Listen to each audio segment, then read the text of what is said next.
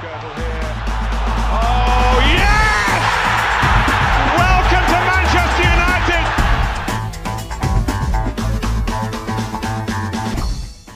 Velkommen til Old Trafford DK podcast. Yes! Fucking yes! Ja, det er godt nok, så sidder vi altså her i vores podcaststudie i Indre København onsdag aften. Og selvom det altså er tre dage siden af vores seneste kamp, ja, så er jeg, mine gæster, og sikkert også alle jer, der lytter med, stadig ikke til at skyde igennem.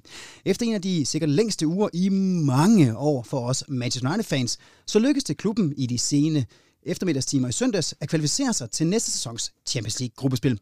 Efter en kamp på King Power Stadium, hvor vi akkurat gjorde nok til at besejre Leicester med 2-0. Dermed snupper Ole Gunnar Solskjærs mandskab tredjepladsen i Premier League. En præstation, som vi skal gå lidt i dybden med i denne udsendelse, hvor vi selvfølgelig også vender de to seneste kampe, et mod West Ham og sejren over Leicester. Og for at få de bedste svar på mine spørgsmål, har jeg allieret mig med to førsteklasses podcastgæster. To stærke og bestemte stemmer, der ikke er bange for at tømme taleposen, når det kommer til holdninger om vores yndlingshold. I det ene ringhjørne, der finder vi en af de mest velkendte personer, vi har på vores gæsteliste. Manden med meninger, der kan dele og forene. Manden, hvis røde skæg passer perfekt til de røde holdninger, vi elsker og respekterer ham for. Det er dig, Daniel Vådsko. Velkommen til. Tusind, tusind tak. Og den anden gæst, det er en, som efterhånden også har været nede en del gange. En mand, som snart har et af tilværelsens største ansvar foran sig, nemlig at lære sin kommende datter om livet som Manchester United-fan. Mathias Bundgaard, også velkommen til dig. Ja, tak for det. Mit navn det er Niels O. Tinesen. Jeg er vært på denne udsendelse, og selvom de fleste flyselskaber er grounded, ja, så skal vi nu op og flyve på den djævlerøde Manchester United-sky.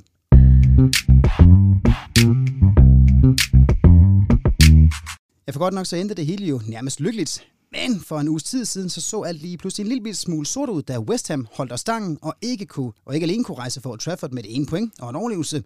Men værst af alt så betød resultatet, at David Moyes igen så ud til at være på vej med at lykkes med at ikke få United kvalificeret til Champions League. Hvis vi kigger lidt på den kamp, de her her, så øh, hvis man starter med noget af det første, det er startopstillingen, så var der genvalg til David De Gea i buret.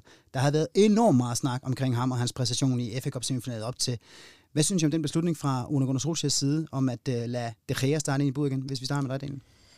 Øhm, jamen, jeg, altså, det skal ikke være nogen hemmelighed, at David Gea er absolut en af mine øh, største idoler og fanfavoritter, øh, men kan også godt fuldstændig forstå den kritik, der er fuldt fortjent at være af ham, men, men jeg synes, det var den helt rette beslutning. Altså, det ville være alt for kontroversielt, og det ville skabe alt for meget unødvendigt drama og fokus på forkerte, forkerte ting, hvis man skulle droppe ham til, til de sidste to kampe her. Altså, det, der blev man nødt til ligesom at, at stå ved det valg, man har gjort ved at beholde ham, ellers skulle man have droppet ham for, for nogle måneder siden, vil, vil jeg sige.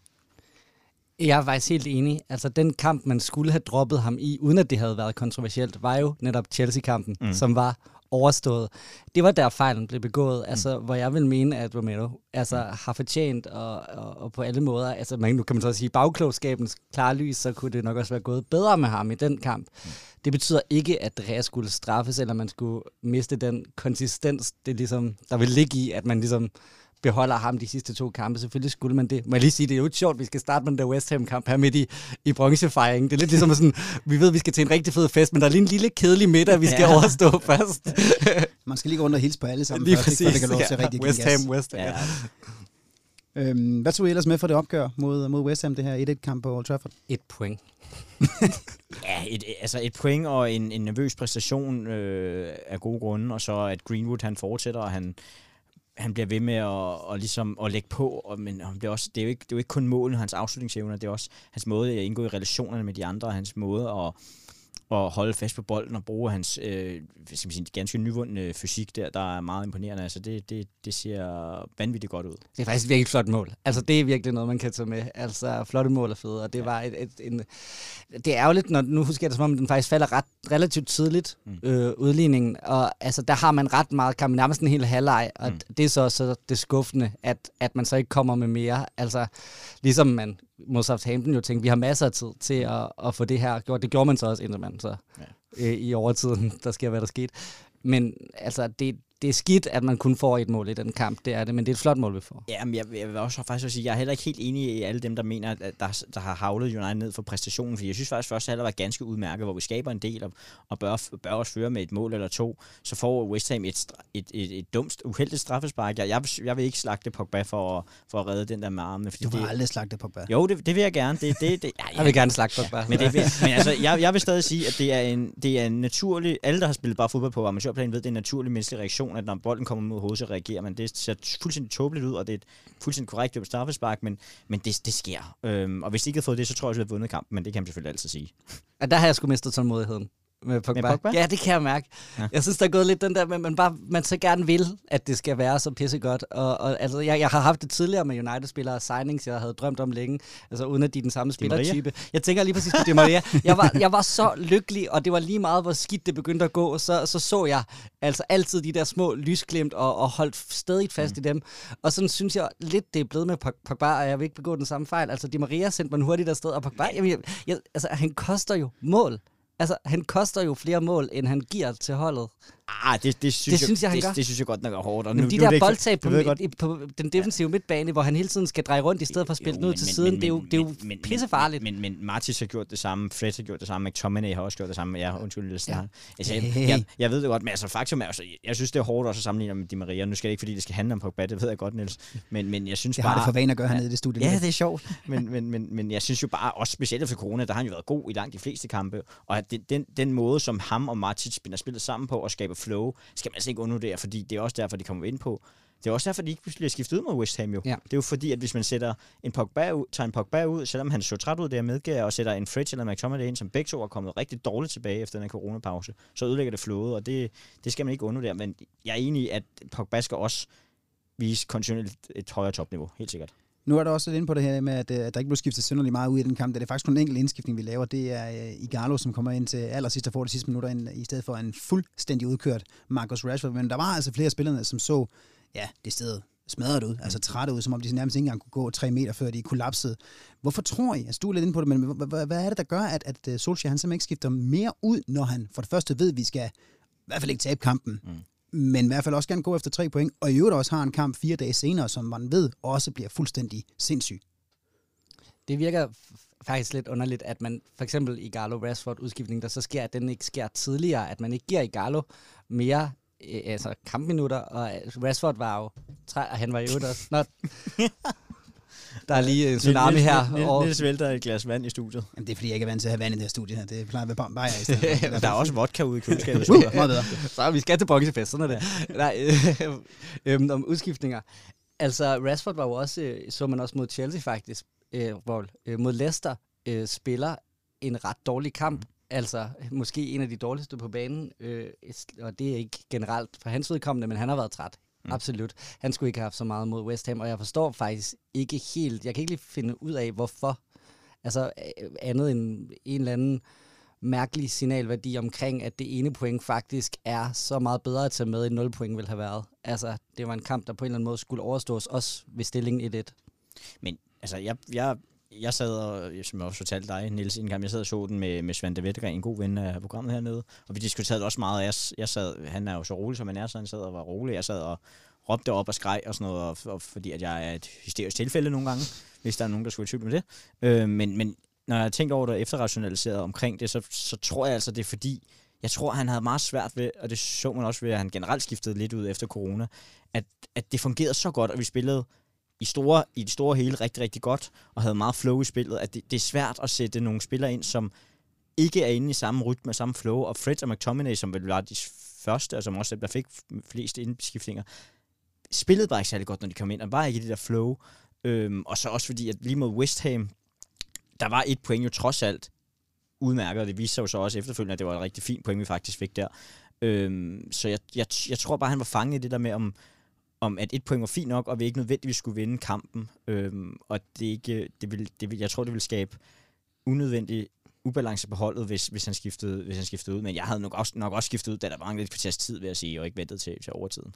Man tager ret tidlig beslutning om, at et point Mm. er fint, virker mm. det til fra, fra bænken af, hvilket jo også er rigtigt set, altså hvis man, altså i kraft af resultatet mod Southampton, er man jo ude i den situation, at et eller tre point øh, sandsynligvis vil være ligegyldigt i den Mm, mm, kamp. præcis. Altså, øh, hvilket også er, er rimelig skarpt. Man kan sige, nu har Liverpool tabt alle kampe efter de blev mestre, bortset fra den, hvor de skal have medaljerne om halsen på øh, Anfield. Så det er altså... Heldigt nok for os, jo. Ja, det er hvilket er heldigt for os. Hvilket, øh, altså, Champions League havde vi fået alligevel, men øh, medaljerne om halsen er, er takket være den, øh, den programplanlægning. Ikke?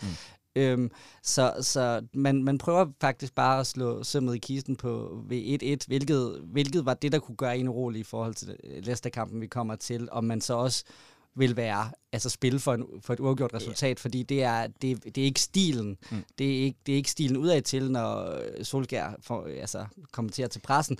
Men nogle gange virker det som om, at det er stilen øh, inde på banen. Ja, men nogle gange så må man også tænke, også jeg ved godt, det ikke er The United Way sådan oprigtigt, men nogle gange må man også sige, sige, lige kigge på konteksten af situationen og sige, okay, det er ikke nødvendigvis, fordi vi skal gå all out og tage i hver kamp, øh, som vi ikke lige ligger til at vinde. Her gav, var det, gav det jo fint mening, at man var lidt mere afventende og, og tr- trække lidt tiden og spare lidt på kræfterne, synes jeg, når man nu havde et resultat, der var brugbart. Det var selvfølgelig en, Det er det. stra- det var Altså- selvfølgelig en start, farlig strategi. Og så en sidste pointe også, det var, at sige, hvis vi skulle gå efter vindekampen, ville vi så blive et bedre hold af at sætte nogle af de spillere, der var på banen ind, øh, i forhold til dem, der var. Det, det, det synes jeg jo ikke, og det viser jo også lidt det, som du også har skrevet i noterne, Niels, at, at der mangler stadig noget bredt i den her Ja. United-trup. Der mangler noget, noget kvalitet og noget mere klasse på bænken fra, i forhold til, at vi skal op og konkurrere om mesterskab og Champions League-titel og sådan noget.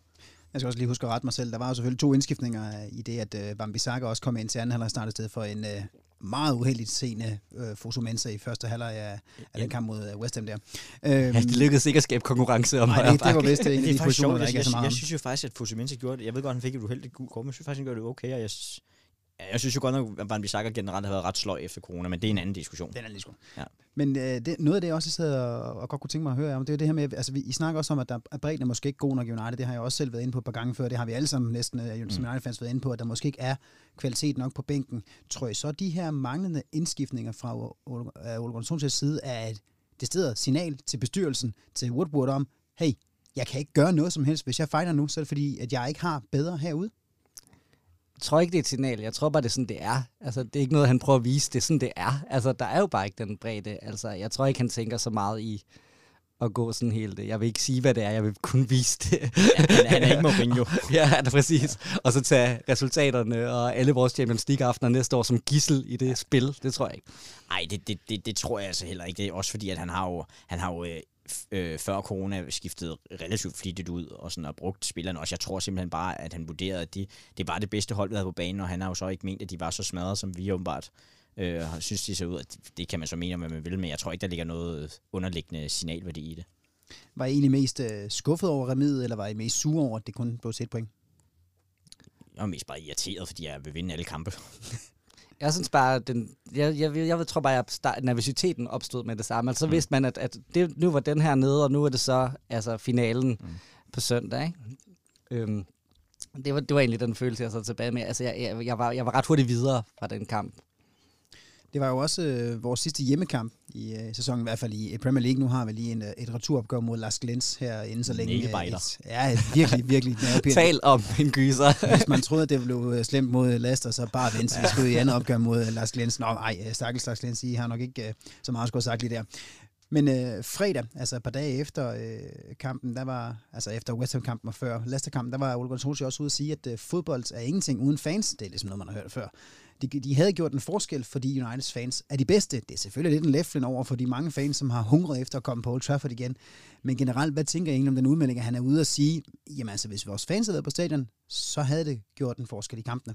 Ah, men det, det, det tror jeg er rigtigt. Altså, man kan mene, man kan mene lige meget om, hvad man vil omkring stemning på Old Trafford og sådan noget, men man kan godt mærke, når der er 78.000 tilskuere, der, der er stemninger, og det summen og råb og sange og sådan noget.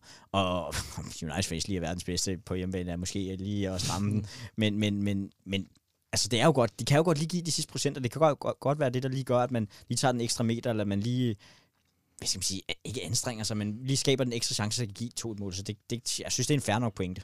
Ja, det er, jo, det, er jo, det er jo fuldstændig rigtigt, men det er også derfor, den scorer lidt højt på bullshit banko skalaen mm. stadigvæk, fordi du kunne jo godt skifte hans navn ud med samtlige andre trænere i hele Europa. Altså, det, det er jo lige meget, om du så har Old Trafford eller en pløjemark, altså du, du spiller fodbold på, så har man jo set helt generelt, at hjemmebanefordelen er elimineret. Nærmest, at det er gået i den anden retning, mm. og det er jo fuldstændig generelt. Ja. Og det gjorde det jo faktisk også for United. Altså, vi sætter to point til udkampen mod Tottenham, som man jo på, i hvert fald på forhånd har regnet med, der vil man nok også sætte point til. Men der er to kampe på hjemmebane, vi sætter point til, både mod Southampton og mod West Ham, så han havde vel ret. Ja, ja, jo, det, det kan man godt sige. Jeg tror også, vi er lidt mere tilfældigt, men altså jo, fans betyder meget, og fans er fodbold. Det er faktisk meget fint at se, altså helt generelt på fodboldspillets vegne, ikke? At, at, at man, man opdager også, hvad, hvad, hvad noget er, når det er væk. Ikke? Altså. Og helt egoistisk må jeg også sige, jeg var da også rimelig glad for, trods alt, at der ikke var fans på uh, King Power Stadium til den der kamp. Altså, det tror, jeg, altså, det tror jeg virkelig også gjorde en forskel. Ja, til gengæld kan man se, at man godt kan være nervøs alligevel, selvom at der ikke er fans på, på ja, begge, begge hold, det var sådan, det var sådan, Åh. Det var fuldstændig sådan Harry Maguire, der danser rundt om sin egen ben. Nå ja, ja, ja, ja, det kommer vi til. Jeg synes, ja. at Maguire spiller en rigtig god kamp, faktisk. Men ja, ja. Men, jeg er enig. Minus en. Ja, ja. Okay. Jeg vil godt lave en fejl en gang. ja, nej, ikke den.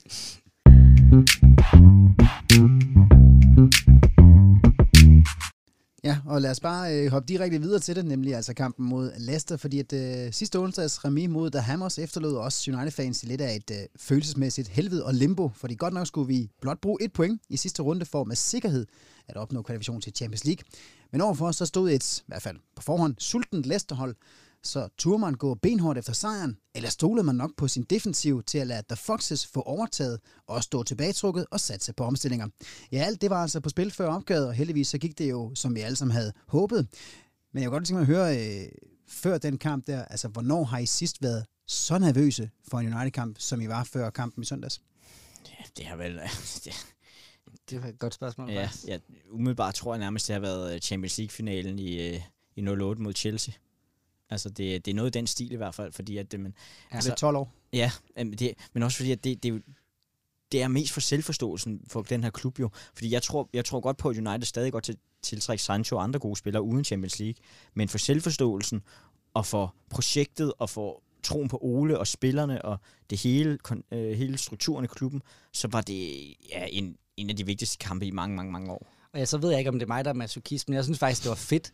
Altså, jeg synes faktisk, det var ret fedt at have en finale mm. og se frem til, når fortællingen også er, at vi er kommet bagfra og altså, har skabt os i den der position, hvor man selv mm. kan afgøre det, og vi står med en kamp, der kan betegnes som en finalekamp, så har jeg eh, game day på, på en helt anden mm. måde, og, og kan mærke, at, at jeg er i live og fanholder alt det der, som, som man på nogle gange som i en Sony West Ham-kamp ikke er lige så præsent, kan man sige. Altså, det, og at få en bronzemedalje om halsen, den, den kan man ikke mærke mod sin egen hud herhjemme, men om vi har Champions League på programmet, det er jo, altså det ændrer jo vores hverdag mm. til, uh, til efteråret. Skal vi sidde og kigge med sådan lidt uh, med? Altså fuck at være neutral, uh, sine fodbold neutral. Altså, det har jeg ikke tid til, når jeg får børn, som du selv var inde på og sådan noget. Altså, men jeg skal nok finde tid til at se alle Uniteds kampe, ikke? Så, ja, så det, det, det, det, siger du nu. Det, det, det, det, der er virkelig noget rigtigt på spil, ja. som ikke bare er, altså hvad skal man sige, et trofæ, der kommer til at hænge i et uh, klublokale i England. Altså, det er vores liv, det her, ikke? Ja, men også fordi, at mange, mange mange af årene, nærmest alle årene, mere eller mindre efter Ferguson jo, der har vi de sidste 3, 4, 5, 6 runder dybest set ikke haft så rigtig meget at spille for i Premier League. Og nu, som du siger, Mathias, så har vi så de sidste otte kampe her efter corona, har det været alle sammen finaler nærmest, og man har nærmest skulle sidde med ildapparat og hjertestarter, når man har set kampene, fordi man har været så spændt og glædet sig og været også så nervøs, og det har været, det har været hårdt, jeg er nærmest helt tanke, øh, tømt for energi efterhånden, men, men det har også været mega fedt, fordi at man rent faktisk har set holdet udvikle sig og løfte sig og skabe et fundament, hvor vi kan komme tilbage på første klasse. Før kampen i søndags, der bad jeg også øh, jer to om at skrive et par, en håndfuld linjer om jeres øh, tanker om den her skæbnekamp. Og Daniel, du skrev øh, blandt andet, at du var ved at skide øh, grønne grise, men faktisk så gik du ind til kampen med en OK fornemmelse. Hvordan kunne du have så, så god en fornemmelse i kroppen, til betragtning af det spil, som vi har lagt for dagen i kampene op til? Ja, men altså, det, jeg ved ikke, om det var fant- en fantastisk fornemmelse eller følelse, men, men jeg... jeg i hvert fald en god, skrevet. Ja, ja, ja en god. Ja, det, men det var også fordi, det, dels så var United, United havde jo kæmpe selvtillid i truppen, selvom vi ikke havde spillet så super godt sidst på kampe, men kæmpe selvtillid, vi havde en skadesfri trup, og Leicester var mega ramte, både mentalt og med skader, og sådan, altså hvis man helt nøgternt kiggede på det, øh, udefra, øh, som ikke United-fan før kampen, så vil alle jo pege på United som kæmpe favoritter, øh, og derfor så, blev også nødt til at se på det og tænke på sådan, okay, det, det her, vi skal simpelthen være i stand til at få i hvert fald et point for den her kamp, så derfor så, så havde jeg en okay fornemmelse, men det, omvendt så havde det også sådan, at det kunne også ligne os at fuck det op. Så derfor også mega, mega nervøs. Jeg var meget ambivalent. Og Mathias, øh, i, førnævnte skriv, der, der var du også inde på, at du var sikker på, at vi ville vinde, øh, hvis vi gik efter sejren.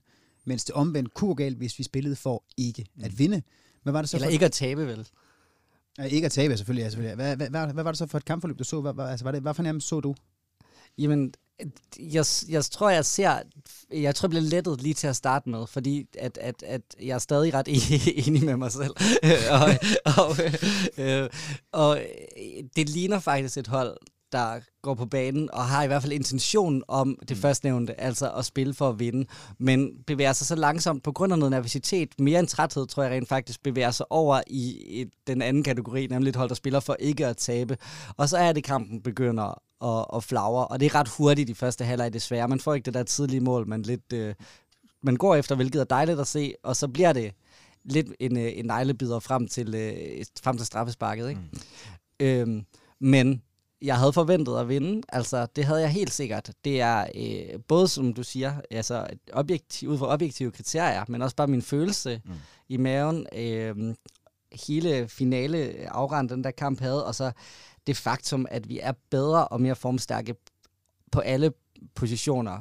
Øh, og så kan man diskutere målmandsposten, men, øh, men, men, men det var en kamp, der skulle vindes. Men også og jeg var at- sikker på det. Ja, og så også fordi, at man, man, som man siger, Rodgers er også bare en mester i at fuck de der op. Altså, han gjorde det med Liverpool, og han går altid, han går altid til den der fucking 3-5-2, eller 3, undskyld, jeg bander, eller 3-4-3, eller hvad man skal kalde den. Og det, det var bare altid galt. Det gjorde det Liverpool, og det gjorde også galt den her gang. Og nu sagde du, Mathias, at man godt kunne se universiteten. Det kunne man godt i United, man kunne godt nok også se det i Leicester, synes jeg. Specielt når jeg så kampen efterfølgende igen i, med extended highlights. Og Leicester spiller jo også en rædelig kamp. Altså, det kan godt være, at vi ikke, heller ikke var super gode, men vi var der stadig bedre end Leicester. Altså, vi har, vi har bolden mest, vi skaber mest, øh, og har især, især, især op til øh, målet der, synes jeg, vi har en ret god periode. Øh, så, så ja, det var, det var bare så befriende, og man, altså, det er bare som, at man har mistet ja, 15 kilo. Altså, jeg har det virkelig sådan, at der er faldet en sten for min mave. Jeg, har, jeg, er så, jeg er så glad for, at vi er kommet tilbage i Champions League, og vi, også på den måde, vi har gjort det på, som du siger, ikke så meget de sidste 3-4 kampe, men sådan hele det der run af de der, hvis vi fjerner Chelsea-kampen, de der 21 kampe, vi så ikke har tabt i, og i Premier League er det vist 15 kampe nu med, og 9 clean sheets. Altså, der er så meget positivitet, vi kan bygge videre på, og kommer der så også en Santos, hvilket som jeg tror, der gør, så, altså, så, så er vi ikke til at skyde igennem, når næste sæson starter. Hvad tænker I om det her med, at øh, vi så gik tilbage og spillede en mere defensiv og, og måske afventende øh, form for fodbold efter de første 15-10 minutter, eller 10-15 minutter, hvor vi ikke fik det første mål, som du også var inde på, Mathias. Det med, at vi trænger os tilbage igen, og så lever lidt på, på omstillingen, i hvert fald prøver at satse på dem. Vi fik ikke så vanvittigt mange af dem, og vi kom heller ikke rent frem til så meget. Var I okay tilfreds med det, så længe det bare vil give det ene point, eller sad I også og tænkte, prøv, vi er simpelthen bedre end dem? Jamen, det er jeg modstander, det, er ja. et, det er et svækket lasterhold, vi står overfor. Præcis, altså det, det skal være sådan der. Altså jeg er simpelthen jeg er modstander af den, den anden taktik der. Altså så kan nogle øh, større fodboldfaglige øh, kapaciteter end mig forklare mig, hvorfor. Som men, mig. altså, så, men, men altså, øh, jeg tror også, der er mange derude, der, vil, der sidder og tænker, hvorfor er det, at, øh, at vi ikke spiller for at vinde, når det, når det er vores force øh, li- lige nu. Altså det, det, det er simpelthen det, der er vores force. Det er de fire øh, op foran de tre raketter, og så vores nye, øh, altså superstjerne. Ikke? Altså det, det må og skal da være det, vi spiller på. Altså fordi, hvis du får en 1-0, så taber du ikke den kamp forløb i. Ja, der står der 0-0, og du, øh, og, og du har en Martins, der forærer bolden til Ndidi, der sparker øh, på frit mål, øh, og heldigvis ikke kan sparke. Altså, jamen, så kan du jo godt tabe. Altså, det, jeg synes faktisk, øh, det er logisk. Ja, også, også fordi, at de kampe, hvor vi har gjort det der med at stille os ned, der, det er næsten altid gået galt. Altså, det er ikke under Ferguson, hvor vi har trænet i det og sådan noget. Altså, vi kan ikke finde ud af det der. Vi, det, vi er meget bedre, når vi går op og presser højt op i det roller attack, men det har jo også noget at gøre med coronaperioden, og ikke kunne træne ordentligt, og der var træthed. Altså, det der med at presse højt, der skal du altså være frisk, så det, jeg, tror, jeg synes også, det er en naturlig taktik. Jeg vil godt forsvare den en lille smule, fordi det mod, lige mod Leicester, og netop også fordi de netop, manglede deres talisman, James Madison, der gav det altså mening, synes jeg, at stille os lidt længere tilbage og spille på nogle omstillinger. Dels fordi vi er gode til det også, i hvert fald omstillinger, ikke så meget til at forsvare, men i hvert fald omstillinger, og dels fordi, at hvis der er noget Leicester ikke kan, så er der åbnet et, et forsøg på i hvert fald et kompakt forsvar. Det synes jeg egentlig også, vi lykkes okay med. De Leicester skaber, det, du siger, at vi ikke skaber så meget, det er også rigtigt. Hvad skaber Leicester? De har vel Harvey Barnes afslutning der på det Gea i anden halvleg, det er vel det? Altså, så, så, på den måde synes jeg, at taktikken lykkedes fint, selvom man så kan være modstander eller ikke Vi modstander. kunne men, godt ja, være kommet bagud i den her kamp, altså i første halvleg. Der er, vi er, hvad har de udover en det skud?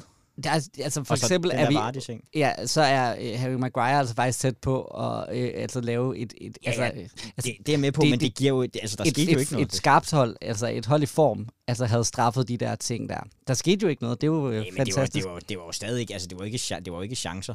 På, altså Ndidis, Ndidis kunne godt være farlig, hvis det var en bedre spiller. Hvis der var Madison enig, Ja. men, men og Maguire har en, altså, men alle, alle spillere laver fejl i en fodboldkamp. Jeg, jeg, synes, jeg synes overordnet set, at vores taktik og plan virkede rigtig godt. Jeg er enig, Mathias, i, at på sigt skal det heller ikke være den måde, vi spiller fodbold. Men jeg synes, jeg synes, det gav mening i forhold til lister, også fordi de er så dårlige til at skulle skabe en kamp selv. Specielt med de skader, de havde. Absolut, men øh, de havde så også alt at vinde på et, et, i større grad end United i kraft af, at de er Leicester. Det kunne man bare ikke se, og- synes jeg. Nej, det kunne man ikke rigtig se. Altså, de har jo nærmest prøvet at, at, at slowplay den lige så meget, ja. som vi selv havde i forhold til, at øh, vi skal også være så glade for, at vi får mulighed for at have den her kamp. Øh, hvilket havde været rigtigt, hvis de var kommet bagfra. Mm. Men de, de står lige pludselig nærmest i deres selvforståelse og er et, et relativt nyligt mesterhold stadig- stadigvæk. Altså, som, som rent faktisk også føler, at de har alt at tabe, hvilket ikke var tilfældet, når man kigger på deres form og kigger på deres trup og kigger på deres mm. klub. Mm. Øhm, men, men det er vores held, Mm. at de blev mestre Ja, ja, enig, dengang. enig. Fordi hvis de, hvis de ikke var det, så havde de ikke kunne spille øh, frit og Chewbacca. Altså, det tror jeg virkelig. det, det var to hold, som der var præget, især i anden af naver. Det synes jeg, du har helt ret i, og det, det kunne godt se. Så det blev, det blev en meget øh, uskøn omgang fodbold. Det må man også bare sige. Hvem synes I tror, de er karakter for, for United? Lingard. Ja, kla- klassemål. Flot. Kasper Schmeichel gjorde i Ja, ja, han, fremragende assist. ja. Han vil ikke stå tilbage for De Geas øh, øh, FA-operation. Nej, præcis. Han skal jo vise, at han også kan dumme sig. Ja, til præcis. Det er- Ja, det er præcis. Hvad hedder det? Nej, jeg synes, øh, nu får jeg igen øh, æren af at være øh, formand for Lindeløs Fanklub. Jeg synes, Lindeløs spiller en kongekamp. Øhm, og, og, og, og, ja, var fantastisk på bolden, vinder sine dueller, forudseende. Jeg synes, Martic spiller en stor kamp på midtbanen. Man kan godt se de sidste 10 minutter kvarter også, at han var rigtig, rigtig træt. Øh, og så synes jeg også, at jeg har været en del efter ham på det sidste også. Måske lidt unfair, fordi han er så ung, men Brandon Williams på venstre bak spiller en rigtig, rigtig god kamp også. Øh, og så ved jeg, vi er lidt uenige med ham. Jeg synes også, udover Maguires ene Mm. fuck-up klods der, synes jeg også, han spiller sig op i hvert fald og spiller en, en udmærket kamp også. Det gør han absolut. Det, hans, for, hans fuck-up er så i øjenfaldende, fordi Mm. mm. det er så sjældent, og det, altså, så det er jo også en ros til ham, Mm. mm. at man lægger så meget mærke til det. Det havde bare været den helt forkerte kamp på det helt forkerte tidspunkt at, at gøre det. Ja. Jeg er helt enig i Brandon Williams. Altså, han var næsten øh, kampspiller for mig, altså hvis man øh, kigger forholdsvist øh, også, ikke? Altså, det er i hvert fald godt, at det er den bak, der er ramt af udfordringer øh, skadesmæssigt, og ikke øh, Wan Bissaka. altså, øh, der havde vi, altså, han, han gør faktisk en rigtig god figur, synes jeg. Øhm, Van Bissaka? nej, øh, Brandon Nå, Williams nej, Ja. øhm, på venstre bak. Altså, jeg, jeg tænker bare, at det havde været værre, at Ron Bissaka var ude, og vi skulle have fået øh, Mensa ind i sådan en kamp. Eller Dalot. Eller, ja. Ja. ja. øhm, nej, jeg synes, Brandon Williams, han, øh, altså, han, han fylder fint ud der. Altså, han er jo også i, til tider øh, nærmest førstevalget på den post. Det bliver spændende at se øh, fremover. Jeg synes, han var opgaven voksen. Mm. Jeg synes, Fernandes er altså, slår jo fast, hvor vigtig han er, hvor altså, stærk en straffesparkskytte han er. Altså, det er ikke hverdagskoste i nyere United-tid, at man scorer 5 ud af 5 med straffespark. øh, så det er, øh, det er også rigtig, rigtig dejligt at se, at, øh, at man kan stole på ham. Altså, man jubler allerede, når man får straffet. Det er også nyt. ja, præcis. det er faktisk rigtigt. I stedet for, at man sidder og ærger sig over, at man igen skal rive hården ud af sig selv på grund af et brændt straffespark, og Pogba, der løber til bolden på samme tid, som du kan sætte vand over på et induktionskomfur. Ikke? Altså, det er... Det, det var fedt. Ja, men også, og så også fordi, at jeg synes jo ikke, altså det er jo ikke fordi Bruno Fernandes brænder banen af i den her kamp og spiller sådan en kongekamp, men han, han er bare stadig med i alt, alt det, vi skaber, og har en masse gode afleveringer, og skaber igen også flow spillet og en masse små afleveringer. Jeg synes også en sidste, hvis jeg lige må, så har vi også været helt holdet omkring, mere ja. eller mindre, men øh, jeg synes, Martial skal også fortjene os ros for dels, at hans, vi har snakket om det før, Niels, at i forhold til også Pogba, men også Martial, det, det, det, det der lavede lidt ugidelig attitude, det synes jeg slet ikke, vi har set nærmest i et halvt års tid, og jeg synes, han kæmper sindssygt godt for det. Hans spil med ryggen til mål er blevet ekstraordinært godt. Altså, jeg vil ikke bytte ham for Harry Kane, for eksempel, lige nu. Hans øh, link-up-spil er ekstraordinært, og han skaber chancer, han scorer mål, han arbejder knaldhårdt. Altså, han, øh, han er en spiller, der lige så stille og roligt etablerer sig i verdenseliten som en, en rigtig, rigtig, rigtig, rigtig fremragende nier. I var inde på det, at vi kom, vi kom form på det her straffespark, som vi fik tildelt i, øh, i anden halvleg øh, efter et kvarters tid cirka, og øh, det var jo vores straffespark nummer 14 i, i Premier League-sæsonen. Det er en ny rekord for et, for et hold i Premier League at få 14 straffespark tildelt i løbet af blot 38 kampe. Det er altså det er saft sus med også mange. Hvad tænker I, det siger noget omkring vores, øh, vores spillere, vores sæsoner, vi har fået så mange straffespark? Vi har købt dommerne. Vi Det siger, bare- det siger køber noget bare. om, om, ja. om VAR. Det er meget, meget øh, påfaldende, at det er øh, første sæson med VAR, hvor, hvor der bliver sat straffesparksrekord. Det så man Ja, nok det også ved VM-slutrunden i øvrigt. Altså, det giver jo bare flere straffespark. Det, det giver sig selv. Og så United så dem, der lever med, øh, med de fleste. Så det vil sige, at vi, vi blev snydt for en masse straffespark i, i fortiden. Er det det, du siger? Nej, nej, nej, man har bare... siger jeg. man, man går bare lidt mere op i øh, forseelser i straffesparksfeltet, fordi man ser dem efter. Altså, det, Og så, bliver, og så bliver alle hands, øh, hands for senere så dømt. Ja, ja, præcis. Men, men også, også, øhm, også sådan rent fodboldmæssigt synes jeg også, der er også lidt i, at vi, vi har fået et hold nu, der har rigtig mange af de der teknisk stærke kombinationsspillere, der kan noget på egen hold. Altså Rashford, Martial, Bruno, Pogba, når han kommer frem i feltet, øh, Greenwood, er jo alle spillere, der kan noget på egen hånd, og kan drible og kan kombinere i små, øh, i små områder. Det gør også, at vi, er, og vi kommer mere i feltet under Ole. Øh, at vi spiller mere i længderetningen, spiller direkte. Så vi kommer også i flere farlige situationer, end vi gjorde under især selvfølgelig Van Gaal, hvor det hele gik til siden, men også under Mourinho.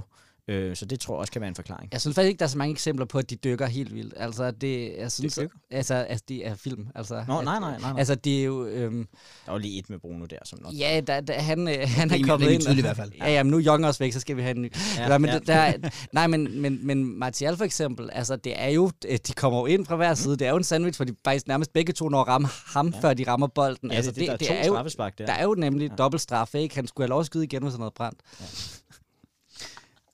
Nu har vi også været inde på en par gange her med, med Maguire, som øh, I synes også spiller en god kamp, og han var også, også øh, den første United-markspiller til at starte samtlige vores kampe i en Premier League-sæson i 25 år. Det er altså ikke sket siden god gamle Gary Pallister. Han gjorde det i 1994-95 sæsonen. Han missede altså ikke et eneste minut. Hvad mener I, det siger omkring øh, Maguire og, og den måde, som han har trådt ind på holdet her i sin første sæson? Jamen, øh, kæmpe stabilitet, kæmpe leder. Øh, jeg har igen også, jeg har været, han har jo også sine begrænsninger og sine svagheder, men- men jeg har, jeg har generelt været rigtig, rigtig stor fan og godt tilfreds med, med hans indsats. Jeg synes virkelig, at han har gået ind og taget ansvar og, og gjort øh, Lindeløf også bedre og, og vores baks. Øhm, han har selvfølgelig lavet nogle fejl, men det kommer alle til at gøre. Vi, vores hold er stadig ikke færdigudviklet. Der skal stadig bygges mere på, og nu har han et års øh, erfaring med sig. og Jeg synes, det har... Jamen, det siger bare alt, at han, han, han er aldrig skadet. Han påtager sig det ansvar, som han har fået ved at være Manchester United-kaptajn, og det har været en rigtig, rigtig fornem øh, debutsæson. det, det er fuldstændig unikt. Altså, det, det er det virkelig. Altså, det er også sjovt det der med, at man nemlig køber så meget mere end en, en god forsvarsspiller, der er i super top eliten på, mm. altså sådan, og, og har et højt bundniveau og alt det der.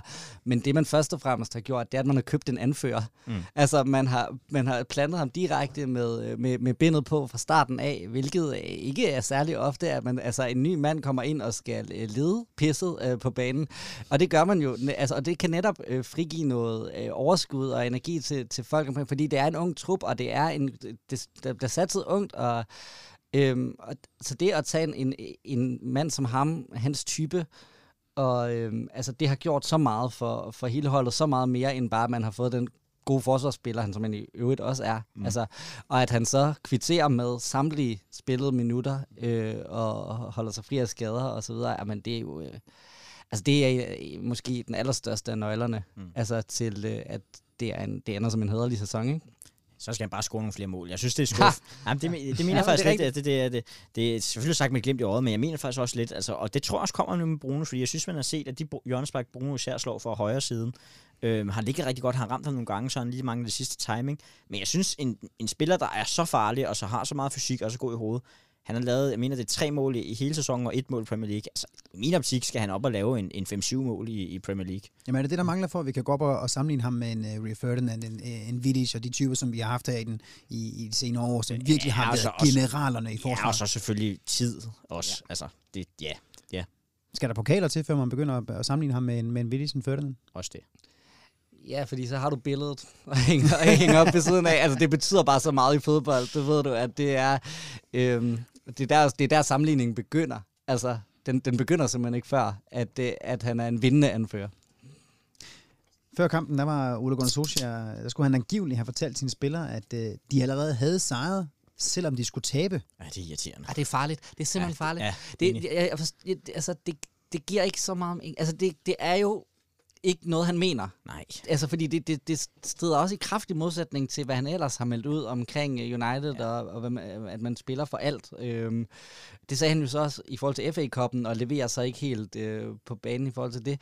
Men det, det er mærkeligt spændende. Altså, det er nok øh, måske i forhold til sådan internt spin, det mest vellykket, kan man sige, for at gøre hans spillere øh, trygge og prøve at ryste nerverne af dem, mm. og så sige, den her kamp, den er, vi kan vinde den, vi kan tage, altså sådan, øh, og, og det kan måske godt fungere i internt, det skal jeg ikke kunne sige. De var jo øh, nervøse, så man.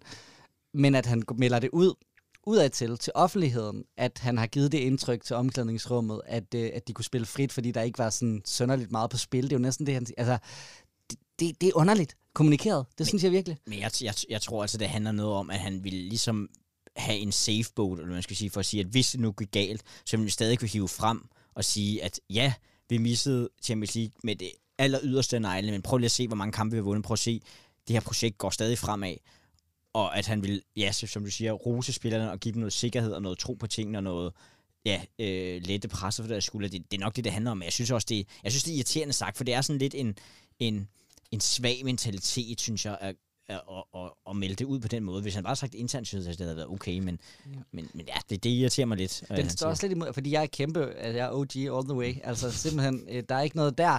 Det, men, men, men lige den der, det var hans uh, Maguire og, ja. øjeblik. Altså fordi, at, at det netop bliver en lille smule sådan taburet øh, varmende. Ja. Og, og sige, selv hvis jeg misser Champions League, så var det mit yderste egne, som du Ja. siger, og, og, og jeg skal være her ja. stadigvæk. Ja, ja. Altså det, det, det, det skal du ikke sige før øh, øh, i kampen til dine spillere. Du skal i hvert fald ikke melde det ud, at du har gjort det. Jamen, det er nemlig også det, jeg sidder og tænker på, fordi altså, en ting er, at han siger det her, og, og, og det er sådan måske lidt... Øh, øh, altså redde sin egen ryg, og redde sin egen røv, redde sin egen ryg, og sige, at jamen, altså, lige meget hvad, så har vi haft en god præcision og haft en god sæson. Men det giver også et lille billede tegn ud af til, til, at han måske ikke var helt sikker på, at vi ville vinde det opgør. Det gik så godt den her ene gang, som du også var inde på, Mathias. Men næste gang, vi står i sådan en finalsituation her, så vil spillerne vel unægteligt sidde og kigge på hinanden og tænke, Ja. holy shit, sidste gang, der troede han rent faktisk ikke helt nok på os. Ja, ja det, det kan man i hvert fald sagtens argumentere for, og sådan, at det, det er også i forhold til alt det, han har snakket om, at ændre kulturen og internaliteten, som jeg synes, som jeg synes vi tydeligt har set, at der, der er sket et skridt i den positive retning, så synes jeg bare, at det er at tage det lidt tilbage til tidligere tiders øh, Mourinho, hvor vi sådan hvor spillerne og klubben var mere sådan en hvad skal man sige, undskyldning for sig selv, og ikke jeg gemte sig for meget, i stedet for at skyde brystet frem og sige, vi er Manchester United, vi kommer selvfølgelig her for at vinde. Ja, det spiller vi og det er nok på point, så tager vi selvfølgelig det. Men, men, men, men det står lidt i kontrast til alle de andre ting, han udtalte i forhold til ja, mentalitet og, og kulturen i klubben, synes jeg. Så det, det var sådan, det, var, det, det udtalte sig ret meget ud i forhold til, hvad han ellers har, har sagt. Ikke, at det skal lære, læ- ligge ham super meget til last, men, men det var bare en, en udtalelse, der irriterede mig ret meget, faktisk. Ja, i, i den situation. Altså, det er, det er ikke engang en kamp, man skal vinde. Det er en kamp, man ikke skal tabe til et skadespladet, mm. formsvagt Leicester-hold. Altså, det er, Uden ikke, fans. det er ikke okay at miste Champions League på den baggrund. Mm. Altså, når man isolerer kampen til den finale, det var, og som han taler ind i. Altså, lige, lige den der, OG, den, øh, den, det var nummer. Jamen, er det, er det hans største fejl, han lavede det sidste lange stykke tid? Det er den her mærkelige udtalelse. Ja, det, det synes jeg faktisk, fordi det, det skaber en eller anden form for... Øhm, det er hårdt at sige tabermentalitet, men det er, det er lidt det, det, det peger hen imod, synes jeg. Og det, det, det modarbejder på en eller anden måde bare det, alt det, han hel, øh, selv har opbygget, og, og vi har arbejdet hen imod. Så det, jeg, synes, jeg synes, det er en ret øh, eklatant fejludmelding. Øhm, men når det så er sagt, så er det heller ikke værre, og det ændrer jo ikke på, at vi har, at han har skabt et super, super velfungerende, stærkt, dynamisk hold, som, som har fremtiden foran sig, og som kun bliver mere spændende i fremtiden. Man kan sige, at nu vinder de den så. Altså, det er jo bedre, at han siger, at de, ikke, at de er lidt ligeglade med det og går ind og vinder, Ja, ja, det end han gør som mod Chelsea. Jeg siger, at det er super vigtigt for os, og så går ind og, og pisser det ud. så, så rækkefølgen er vigtig. Ja, ja. Vi vil også hellere have den der Champions League end der FA Cup. Det må vi jo nok bare sige, at det, det føles bare lidt så godt at have den her Champions League kvalifikation i hus jo. Øhm, og det var også noget det, jeg godt mig at høre, altså, hvor højt rangerer I det her, det her resultat her på Camp House Stadium i søndags? Altså, øh, hvor stort et resultat er det her? Altså, hvis man skal kigge på sådan, og det var den gang, vi gjorde noget stort, så skal man se øh, altså foråret og efter pausen, mm. altså som, som en helhed, og sige, det var, det kan man måske godt sige, det var der, at øh, bøtten blev vendt, hvis det bliver fuldt op øh, næste sæson, øh, med, en, med en god CL og en, øh, en god Premier League. Altså, så, så kan man kigge på det her. Altså, kampen i sig selv mm. var ikke et, et evigt highlight. Det var pisse spændende for os lige nu, fordi det var det, der betød Champions League. Men det var en pligtsejr Mm. i, i det billede. Altså, det var ikke sådan en uh, Champions League-finale i forhold til, uh, hvordan vi vil se på den historisk. Det tror jeg simpelthen ikke. Nej, og nu skal vi også lige tænke på, det er heller ikke, fordi vi skal lyde som Arsenal-fans, der skal svare den her tredjeplads eller en eventuel fjerdeplads som et, et trofæ. Men det, den her glæde, som vi sidder og udtrykker nu, og som alle andre fans har udtrykt i gadebilledet og på sociale medier, det er jo mere en udtryk for lettelse hmm. og en tro på projektet og fremtiden, frem for det er en lykkelig over at blive slut nummer 3, 33 point efter Liverpool. Altså det, det, det, det er der jo ikke noget at råbe hurra for, men, men den der lettelse og, og glæde af at være tilbage i det fine selskab og, og få lidt ekstra også øh, indtjening i forhold til i forhold til transfers og sådan noget. Det er, jo, det er jo mere det, det handler om, frem for at kampen i sig selv var et kæmpe resultat, for det er ikke et, isoleret set et kæmpe resultat at slå et, et, et middel mod et listerhold på, på udbanen. 33 point efter Ja. Ja. Det- du kan godt, du kan ødelægge den fast. Ja, jeg ved det godt. Det er, I'm a party spoiler, det har jeg hørt før. Efter, efter sejren så udtalte uh, Ole Gunnar Solskjaer, at vi mere og mere begynder at ligne det hold, som Manchester United skal være. Du har også inde på det før, mm. Daniel, at vi er på vej i den rigtige retning, og vi, og vi ser nogle gode, nogle, noget, noget godt potentiale i det her fremtidsperspektiv osv. Men hvor langt synes I, vi er fra at være det Manchester United-hold, som vi skal være? Og nu skal jeg ikke sige 60 point. Øh, ej, vi er, jeg, synes, vi, jeg synes faktisk, vi er tættere på, end jeg, end, end jeg troede, vi ville være på det her tidspunkt under Ole. Også fordi, at jeg, jeg, jeg har modsat Mathias ikke altid været Ole øh, inden må indrømme, og det Nå, kommer vi også ind på okay, i forhold til, ja. øh, i forhold til pointen sidste programmet her. Men, men øh, jeg synes, vi, vi, mangler, vi mangler stadig nogle spillere. Altså, vi mangler selvfølgelig Jadon Sancho, som forhåbentlig snart kommer. Og så mangler, jeg synes stadig, vi godt vi kunne mangle en, en ung, upcoming verdensklasse 6'er til at aflaste slash erstatte Martic. Øh, og så kan man diskutere midterforsvaret i forhold til både sk- vores skadede Bahia og og i forhold til, hvor meget man tror på Lindeløf. Den diskussion skal vi nok ikke tage igen igen. øhm, men det er i hvert fald tre steder, hvor jeg tænker, der, er- der, er- der er plads til mulige forstærkninger. Øhm, og handler vi smart og godt ind, så kan jeg ikke se, hvorfor vi ikke kunne spille med om mesterskabet næste sæson. Det har vi så også sagt før. Man ser i hvert fald topniveauet foran sig som noget, der matcher Mm. øh, de famøse 33 point. Ja. Altså, vi har en, øh, en, en front her, som vi var inde på, ikke? Altså med øhm, ja, Martial Rashford, øhm, Greenwood og, og, og Bruno til at ligge, øhm, altså, som, som faktisk kan kan blive en sådan øh, Mané, Salah, øh, Firmino øh, øh, ting, der kan spille fast og blive øh, en force. Øh, bundniveauet er der simpelthen ikke. Mm. De kan sagtens øh, kollektivt øh, øh, øh, fejle og, Mm. og, og ikke være til stede i, i en kamp, som man ikke ser øh, den, øh, den øh, trio hos Liverpool gøre det. Altså, Mm. de, de er der øh, øh, hver gang. Altså, øh, man ser Liverpool, så altså, de, de er der bare. Mm. Altså, og, og det kan man bare ikke sige nu. Man kan sige, at, at når de topper, når de er bedst, og når de rammer den, så har vi noget, der rent faktisk kan blive sindssygt godt. Det er sindssygt godt. Mm.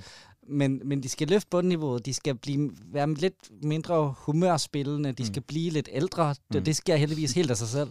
Øhm, så, så, så tror jeg virkelig på, at, at, at, at jamen, så, og så kan jeg faktisk godt købe din pointe med, at, at det vil være bedre at beholde Martial, end at købe Harry Kane for eksempel. Øhm, Jeg kan slet ikke se Harry Kane øh, passe ind på det United-hold. Nej, og så især ikke, altså hvis man øh, kigger frem, Mm. øh, og, og netop ser, at vi har støbt et fundament her. Ja, men også bare det, at allerede... Altså, Greenwood er 18 år, og Rashford er 22, Martial er, er 24.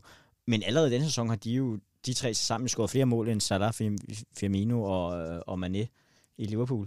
Øh, så, så det er da helt klart noget Men de er ikke lige så gode. Altså ikke, ikke over en sæson. Nej, nej, nej, enig, de altså enig, enig slet, slet ikke. Det, det synes jeg heller ikke, men, men det er bare det, der, der er der helt sikkert noget at bygge videre på, for som du siger, når de bliver mere konsistente i præstationerne, bliver ældre i det, det var også noget, det vi har snakket om, Niels. Altså, jeg har været meget efter Martial i forhold til at blive mere øh, solid i præstationerne. Det synes jeg, han er blevet i den sæson. Mm. Så skal vi lige have Rashford med, og Greenwood selvfølgelig også naturligt, i at man kun, han kun er 18 år. Men om jeg kan, med, med forhåbentlig Sancho også, så kan jeg ikke se, at vi, det her United-offensiv ikke skulle være bedre end Liverpool som halvanden, to år allerede, vil jeg mene. Som afslutning på den her lille øh, snak om Leicester-kampen, så kan jeg da også lige øh, nævne en af de, de der skriv, som jeg bad de to herrer om at sende til mig her i timerne før kampen mod Leicester. Så bad jeg dem selvfølgelig også om at komme med et øh, bud på resultatet. Og de begge to, de gav altså udtryk for, at United ville vinde den kamp. Og især så synes jeg, vi skal give lidt props her til Mathias, som skriver, at det må og skal være typisk United at vinde den her kamp 2-0 til United. Sådan, Jeg havde håbet, at du ville nå dertil.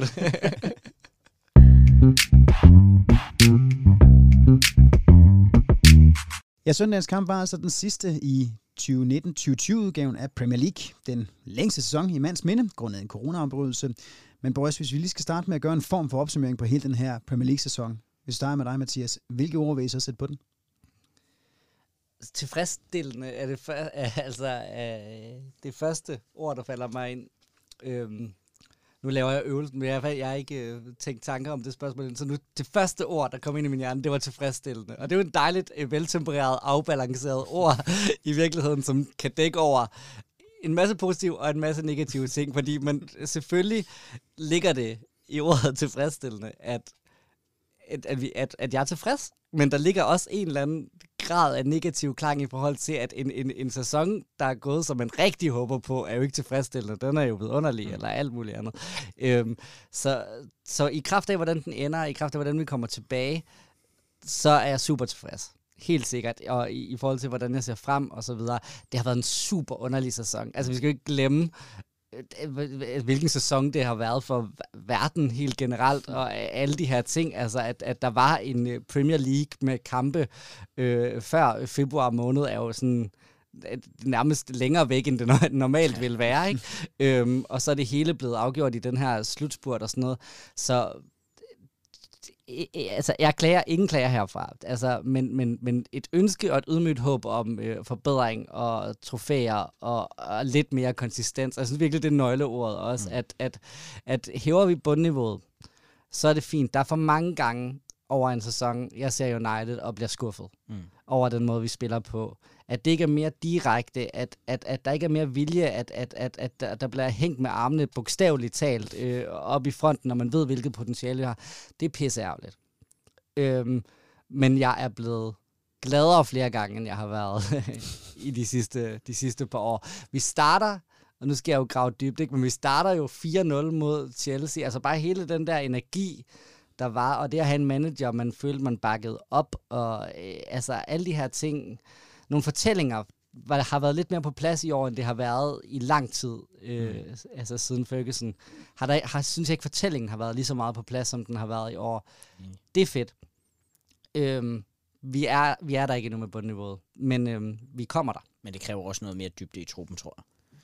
Ja. Øhm, ja, hvis, hvis jeg skal supplere, for jeg er meget, meget, meget, meget på linje med Mathias her. Jeg, jeg vil sige, det er, sådan, altså, det er jo meget to-del sæson, kan man sige. Før jul nytår, der var det øh, skræntende og haltende og upoleret, øh, med stadig gode, med gode præstationer og, og gode kampe indimellem, men alt stadig, ja, som Mathias er ind på, det der med bundniveauet, som der er alt, alt for svinget. så synes jeg så også, det er blevet bedre øh, efter nytår, hvor det har været rigtig, rigtig spændende. Og mit, mit ord, det første jeg tænkte, det var opløftende øh, og en stærk tro på projektet, og det har jeg ikke haft længe, og det er jeg rigtig, rigtig glad for. Og det har Ole og, og gutterne øh, og teamet og spillerne øh, helt sikkert øh, genetableret i mig. Øhm, så det har været en, ja, meget, på mange måder meget mærkelig og, og surrealistisk sæson, men, men, men også men meget, meget opløftende og spændende og udviklende og udfordrende, synes jeg. Øhm, og se, hvordan Altså det der med at se, hvordan også en Rashford har udviklet sig til meget, meget eksplosivt. Jeg ved godt, han slutter lidt skidt, men det har jo nok også noget at gøre med, at han har været skadet så længe. Og en Greenwood, der bryder igennem. Øh, indkøbene, der har været spot on. Jeg ved også godt, at James han har skuffet lidt på det sidste, men han kommer over, koster 5 millioner, kommer fra Swansea gennem tid. Øhm, Brandon Williams også kommer ind. Altså, der, det er ikke kun de dyre indkøb, det er også de unge spillere, det er, det er stjernerne, der også udvikler sig. Jeg ved godt også, Mathias måske kan være uenig med mig, men jeg synes, spillere som, som vi er inde på, Martial Pogba, der har fået en helt anden indstilling og attitude. Øhm, Bruno Fernandes selvfølgelig, der kommer ind og transformerer holdet. Der, der er en kæmpe, kæmpe tro på, på projektet og klubben og, og hele Manchester Uniteds fundament lige nu hos mig. Så hvis vi skal prøve at kigge på det her med at give den en, en karakter den her sæson her. Vi gider ikke gå efter de her karakterskaler, som er i skolerne og alle mulige andre uddannelsessteder, for den prøver de vist at ændre igen nu. Så vi tager den klassiske 1-10. Øh, du kaldte det tilfredsstillende, du kaldte det, du kaldte det tilfredsstillende, du kaldte det opløftende. opløftende. Ja. Så må vi jo lige få nogle tal på. Hvad ligger vi så på, da hvis vi starter med dig, øh, Daniel?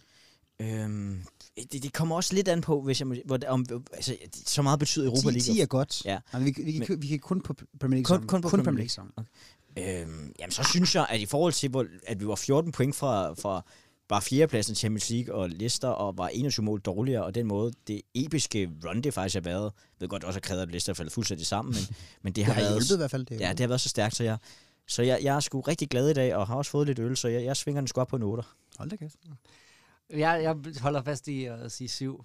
Det ligger, det, ligger, det ligger, det ligger godt, du ikke var på fem eller sådan noget. Nej, nej, nej, absolut ikke på fem. Det, øh, altså, vi kan også godt sige... Øh, vi kan også godt sige et stort syvtal. 7,4 stykker ja. eller sådan. Det er, vi, vi, vi runder ned på syv, fordi, at, øh, at, fordi vi er Manchester United. Ja. og fordi at, øh, at vi ikke har vundet noget. Ja, det er måske også, det er måske også rigtigt nok. Det er nok man bliver også, jeg bliver måske også lidt grebet af, at vi trods alt slutter på en, en podieplacering, så at sige. Og det er jo, dybest ikke nok for Manchester United, men det er bare så længe siden, og Ja, vi har også Apple med Chelsea, så jeg, jeg kan også godt gå ved på et 20-tal, men, men jeg, på en god dag, så giver jeg også 8. Men jeg kan sindssygt godt lide dit ordvalg i opløftende, fordi mm. der er jeg helt enig med dig. Og også det der med, at du kan nævne så mange spillere. Altså, det er ikke, det er ikke sådan en sæson, hvor vi skal gøre målmanden til årets spiller i mangel af bedre. Det er det. Eller en midterforsvar. Eller, eller, eller præcis. Eller Andrej og så lade ah, ham gå på en fri transfer, hvilket er min evige kæphest, fordi jeg hyldede, at han blev årets spiller, men hvad, der, der sidder det, må jeg ikke lige kaste ud til jer, hvem fanden, hvem, altså, fordi så er der nogen, der siger Fred, og der tænker jeg, hvad, hvad, hvad, hvad har I spist? Og så, og så altså, jeg, jeg synes faktisk, den er svær, og, og det kan egentlig godt være en positiv ting, fordi at, at, at kollektivet er vokset op i den her et trup. Altså, jeg, jeg, lander på, jeg lander måske på sådan noget Rashford i virkeligheden. Så altså, der, over, over spiller, ja. eller? Øh, jamen, lige lynhurtigt, så vil jeg da sige, jeg har, Rashford vil jeg heller ikke have noget mod. Jeg vil heller ikke have noget mod at give til Bruno, fordi han har været så instrumental i forhold til Champions League. Jeg ved godt, han kun har spillet 14 kampe, men alligevel 8 mål, 7 assist. Min favorit er Tony Martial, fordi jeg synes, han er blevet, jeg har været så kritisk overfor ham, jeg synes, han er blevet så mere konsistent, så vi snakker om præstationerne. Så ved jeg godt, nu, og nu giver den lige tilbage, Mathias. Jeg synes altså også, Fred kunne have været en contender før corona, fordi der synes jeg, han var rigtig, rigtig god. Øh, men ikke efter selvfølgelig, fordi han har spillet så lidt og har haft så dårlig indhop. Altså hvis han bliver årets spiller i United, så er vi tilbage til, så, skal vi, så ligger vi på fem i års karakter, altså, det vil jeg sige. Men, men, øh, men, men, men også hvis man bruger den koring sådan rent, øh, hvad skal man sige, med lidt mere perspektiv i, end at give den til nogen, man alligevel uh, sælger for en slik, så synes jeg, at Martial giver rigtig god mening, fordi at at, at han er så meget en humørspiller, og øh, altså en sæson efter alle hans landsmænd lige har vundet VM, uden han fik lov at komme med, der, der kan han ikke... Men, men, men at øh, øh, øh, give ham en fidusbamse, der virkelig... Altså, for, for, så bliver han glad. Ja, se de der mundvige vende en lille smule opad, det gider, den kan jeg godt gå med på. Altså, hvis jeg selv må byde ind her, så er jeg fuldstændig enig i både uh, Martial og selvfølgelig også Fernandes, Bruno Fernandes. Jeg, jeg er selv lidt imod Bruno Fernandes, netop fordi han kun i går, så han har været der en halv sæson, og det synes jeg simpelthen ikke, altså, selvom han har været så instrumental og så essentiel i hele den øh, udvikling, vi har taget, så synes jeg ikke, han skal have den. Jeg synes faktisk, at en mand som Harry Maguire også kommer meget i spil, fordi det er altså også på forsvaret, vi har... Mm. Det første, Ole Gunnar Solskjaer, han gik ind for at få styr på, det var vores fysik, vores mm. kondition, og så var det forsvaret, han skulle styr mm. på. Det købte han Maguire til det har bare fungeret. Og Van Bissaka. Altså, og Van Bissaka også, men han har så godt nok været lidt mere flysk, ja. og ja, der er mange kritik omkring at hans spillestil stadig også. Mange flere mangler i hans spil har United-fans potentielt, uh, uh, mm. hvad det, uh, udset sig, end der er ved Maguire. Og som du også var inde på, Mathias, han laver en fejl mod Leicester, men fordi vi snakker så meget om den, det er fordi, det er så sjældent, han laver den. Ja. Han går ind og tager anforbindet for far. Ja, altså nærmest, han, han, han kommer til klubben og siger hej til dem alle sammen, så bliver den stukket rundt om armen på ham. Han skal bare løfte en hel klub, som alle folk står og kigger på. I kan ikke noget som helst. Nu ender vi som nummer tre. Vi laver fantastisk run i slutningen af sæsonen. Jeg synes faktisk også, at, at, Maguire kommer med i den der betragtning. Helt sikkert. Altså, jeg, jeg vil ikke bruge mig over hverken uh, Martial Rashford Bruno, selvom jeg eller ikke, han er ikke min favorit, eller Maguire. Altså, det er også de fire, der nok stikker ud for mig. Ja. Men du var fuldstændig ret, Mathias. Det er, det er sindssygt spændende at, at se på, hvem, hvem, hvem fanden nu skal jeg sige det, ja, egentlig får men, den her... Men, øh, men også, jeg synes... Din... Så skal han må til at lave en masse nye trofæer, ligesom... Øh, ja, det er for offensiv. Årets forsvar. Årets målmand. Årets slaphead. Romero. Nej, men, men også, men, men også øh, altså, det er en rigtig god pointe, det der med, at det ikke... Det er så sindssygt dejligt, det ikke er De Gea, eller er... Øh, det kan også godt være, det bliver Maguire, men det vil stadig være på en anden baggrund, eller en Martin eller en anden defensiv midtbanespiller, øh, øh, som der bliver det. Jeg, jeg tror, jeg er helt sikker på, at det bliver en offensiv spiller. Mm. Øh, og det synes jeg bare er, er et udtryk for, at vi går i den rigtige retning. Det er også fedt at kigge tilbage på, på vores indkøb. Altså, det er også en, en sjælden fornøjelse øh, de senere år, at kigge tilbage på fire indkøb og sige, at der er faktisk ikke nogen, der ikke har levet op til de forventninger, man måtte have. Altså, Dan James, som du siger, han kommer fra, fra Swansea for en, en, en slik. Altså, det, mm det er jo så fint, hvad han har præsteret, når man, øh, og, og, altså også sæsonen som en helhed, vil jeg sige, når man tager det i forhold til det. Juan Bissaka, jeg synes, han er fremragende at finde på højre bak. Det var et kæmpe tomrum øh, efter Valencia rent faktisk. Som ja, han mangler meget offensivt, Ja, ja, men det, det tror jeg sgu, øh, det tror jeg på. Jeg synes, det var godt set. Og, og Maguire siger sig selv, Fernandes siger sig selv, altså, det er, det, det er i mine øjne 4 ud af 4. Jamen, det var gennem den bedste. I Galo. Ja, nej, men, han, men han får jo sin egen pris, jo. Han får Nigerian ja, Player of the Year. Ja, det er rigtigt. Det må blive ham, ja. Yes, yes, yes. I hvert fald fed energi at komme med. altså, det er jo fantastisk. Ja. ja, Men det er jo også meget sjovt det her med, at- der er så mange, som lige pludselig gør det så godt, så hvis vi sådan skal prøve at, at, at tage lidt op i helikopterperspektivet igen, så hvis vi kigger på den her sæson her, hvad vil vi så mest huske den for, øh, altså sæsonen i, i Premier League, og her ser vi lige Som bort ikke er fra, corona. lige præcis, som lige præcis ikke er corona. Hvad vil vi så mest huske den for? Og Liverpool i mesterskab. Hvilken mesterskab, hvilken klub? Det Ja, kender jeg ikke noget bare. til. Ja. Ja. Nej, hvis det, skal, hvis det ikke skal være alle mulige- nogle, øh, hvad skal man sige, udefra kommende faktorer, og ligegyldige andre hold, der, men, jamen, jeg, jamen, jeg, jeg, jeg, jeg, vil jo, jeg vil jo huske det fra, fra Bruno Fernandes, det var indkøbet, og hvilken, altså, hvor meget en spiller kan transformere et hold. Altså, hvor meget... Fordi før, før Bruno Fernandes, der, der havde vi kæmpe problemer. Det har vi stadig nogle gange, men det er blevet meget bedre med at åbne de der lavstående forsvar. Og han har bare været en kæmpe katalysator i forhold til, at det har været nemmere, og vi har skabt mange flere chancer. Altså det er ligesom, jeg ved godt, at jeg skal lade være med at lave referencen til Liverpool, men det var ligesom, da de hentede øh, Alisson og, og Van Dijk, altså det er så godt nok to spillere, men stadig en til to spillere, der kan gøre så kæmpe en stor en forskel. Altså det er også det, jeg siger, får vi Sancho ind, får vi en, ja, en eller anden, en, måske en marker til Maguire, selvom jeg er kæmpe Lindeløf-fan, eller en sekser, så, så tror jeg virkelig på, at vi kan, vi kan allerede spille med om, med om toppen, så, så Bruno Fernandes står ud for mig. Og hvis, nogen, hvis de kommer ind og også kan levere fra start, altså fordi Mm. vi har en, en, masse spillere i truppen, der er i transport, kan man sige, og måske er på sidste stop før succesen, altså så, så er vi der. Så, så er det det, jeg vil huske sæsonen for. Så er det sidste stop før, til nøds næst sidste stop, mm. øh, øh, før succesen, fordi den her sæson er en del af en lang strækning, som ja. vi har været på. Det må vi jo erkende, ikke? Øh, men, men man fornemmer, at nu er vi der snart. Lang, lang rejse. Snart øh, destination. Eller i hvert fald til at tage det næste skridt.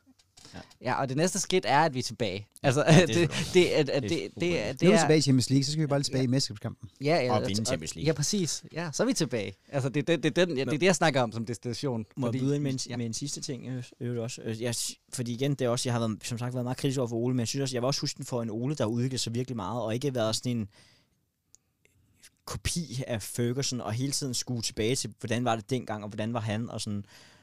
Altså en, en manager, der også udvikler sig både taktisk og personligt, og han virker meget mere rolig og øh, naturlig, nogle gange lidt for rolig, vil jeg sige, på bænken, øh, men, men, men, men meget mere natur, naturlig i rollen, og det, det, det klæder ham virkelig. Jeg synes virkelig, at han, han har fået noget aura og karisma over sig, som, som jeg var...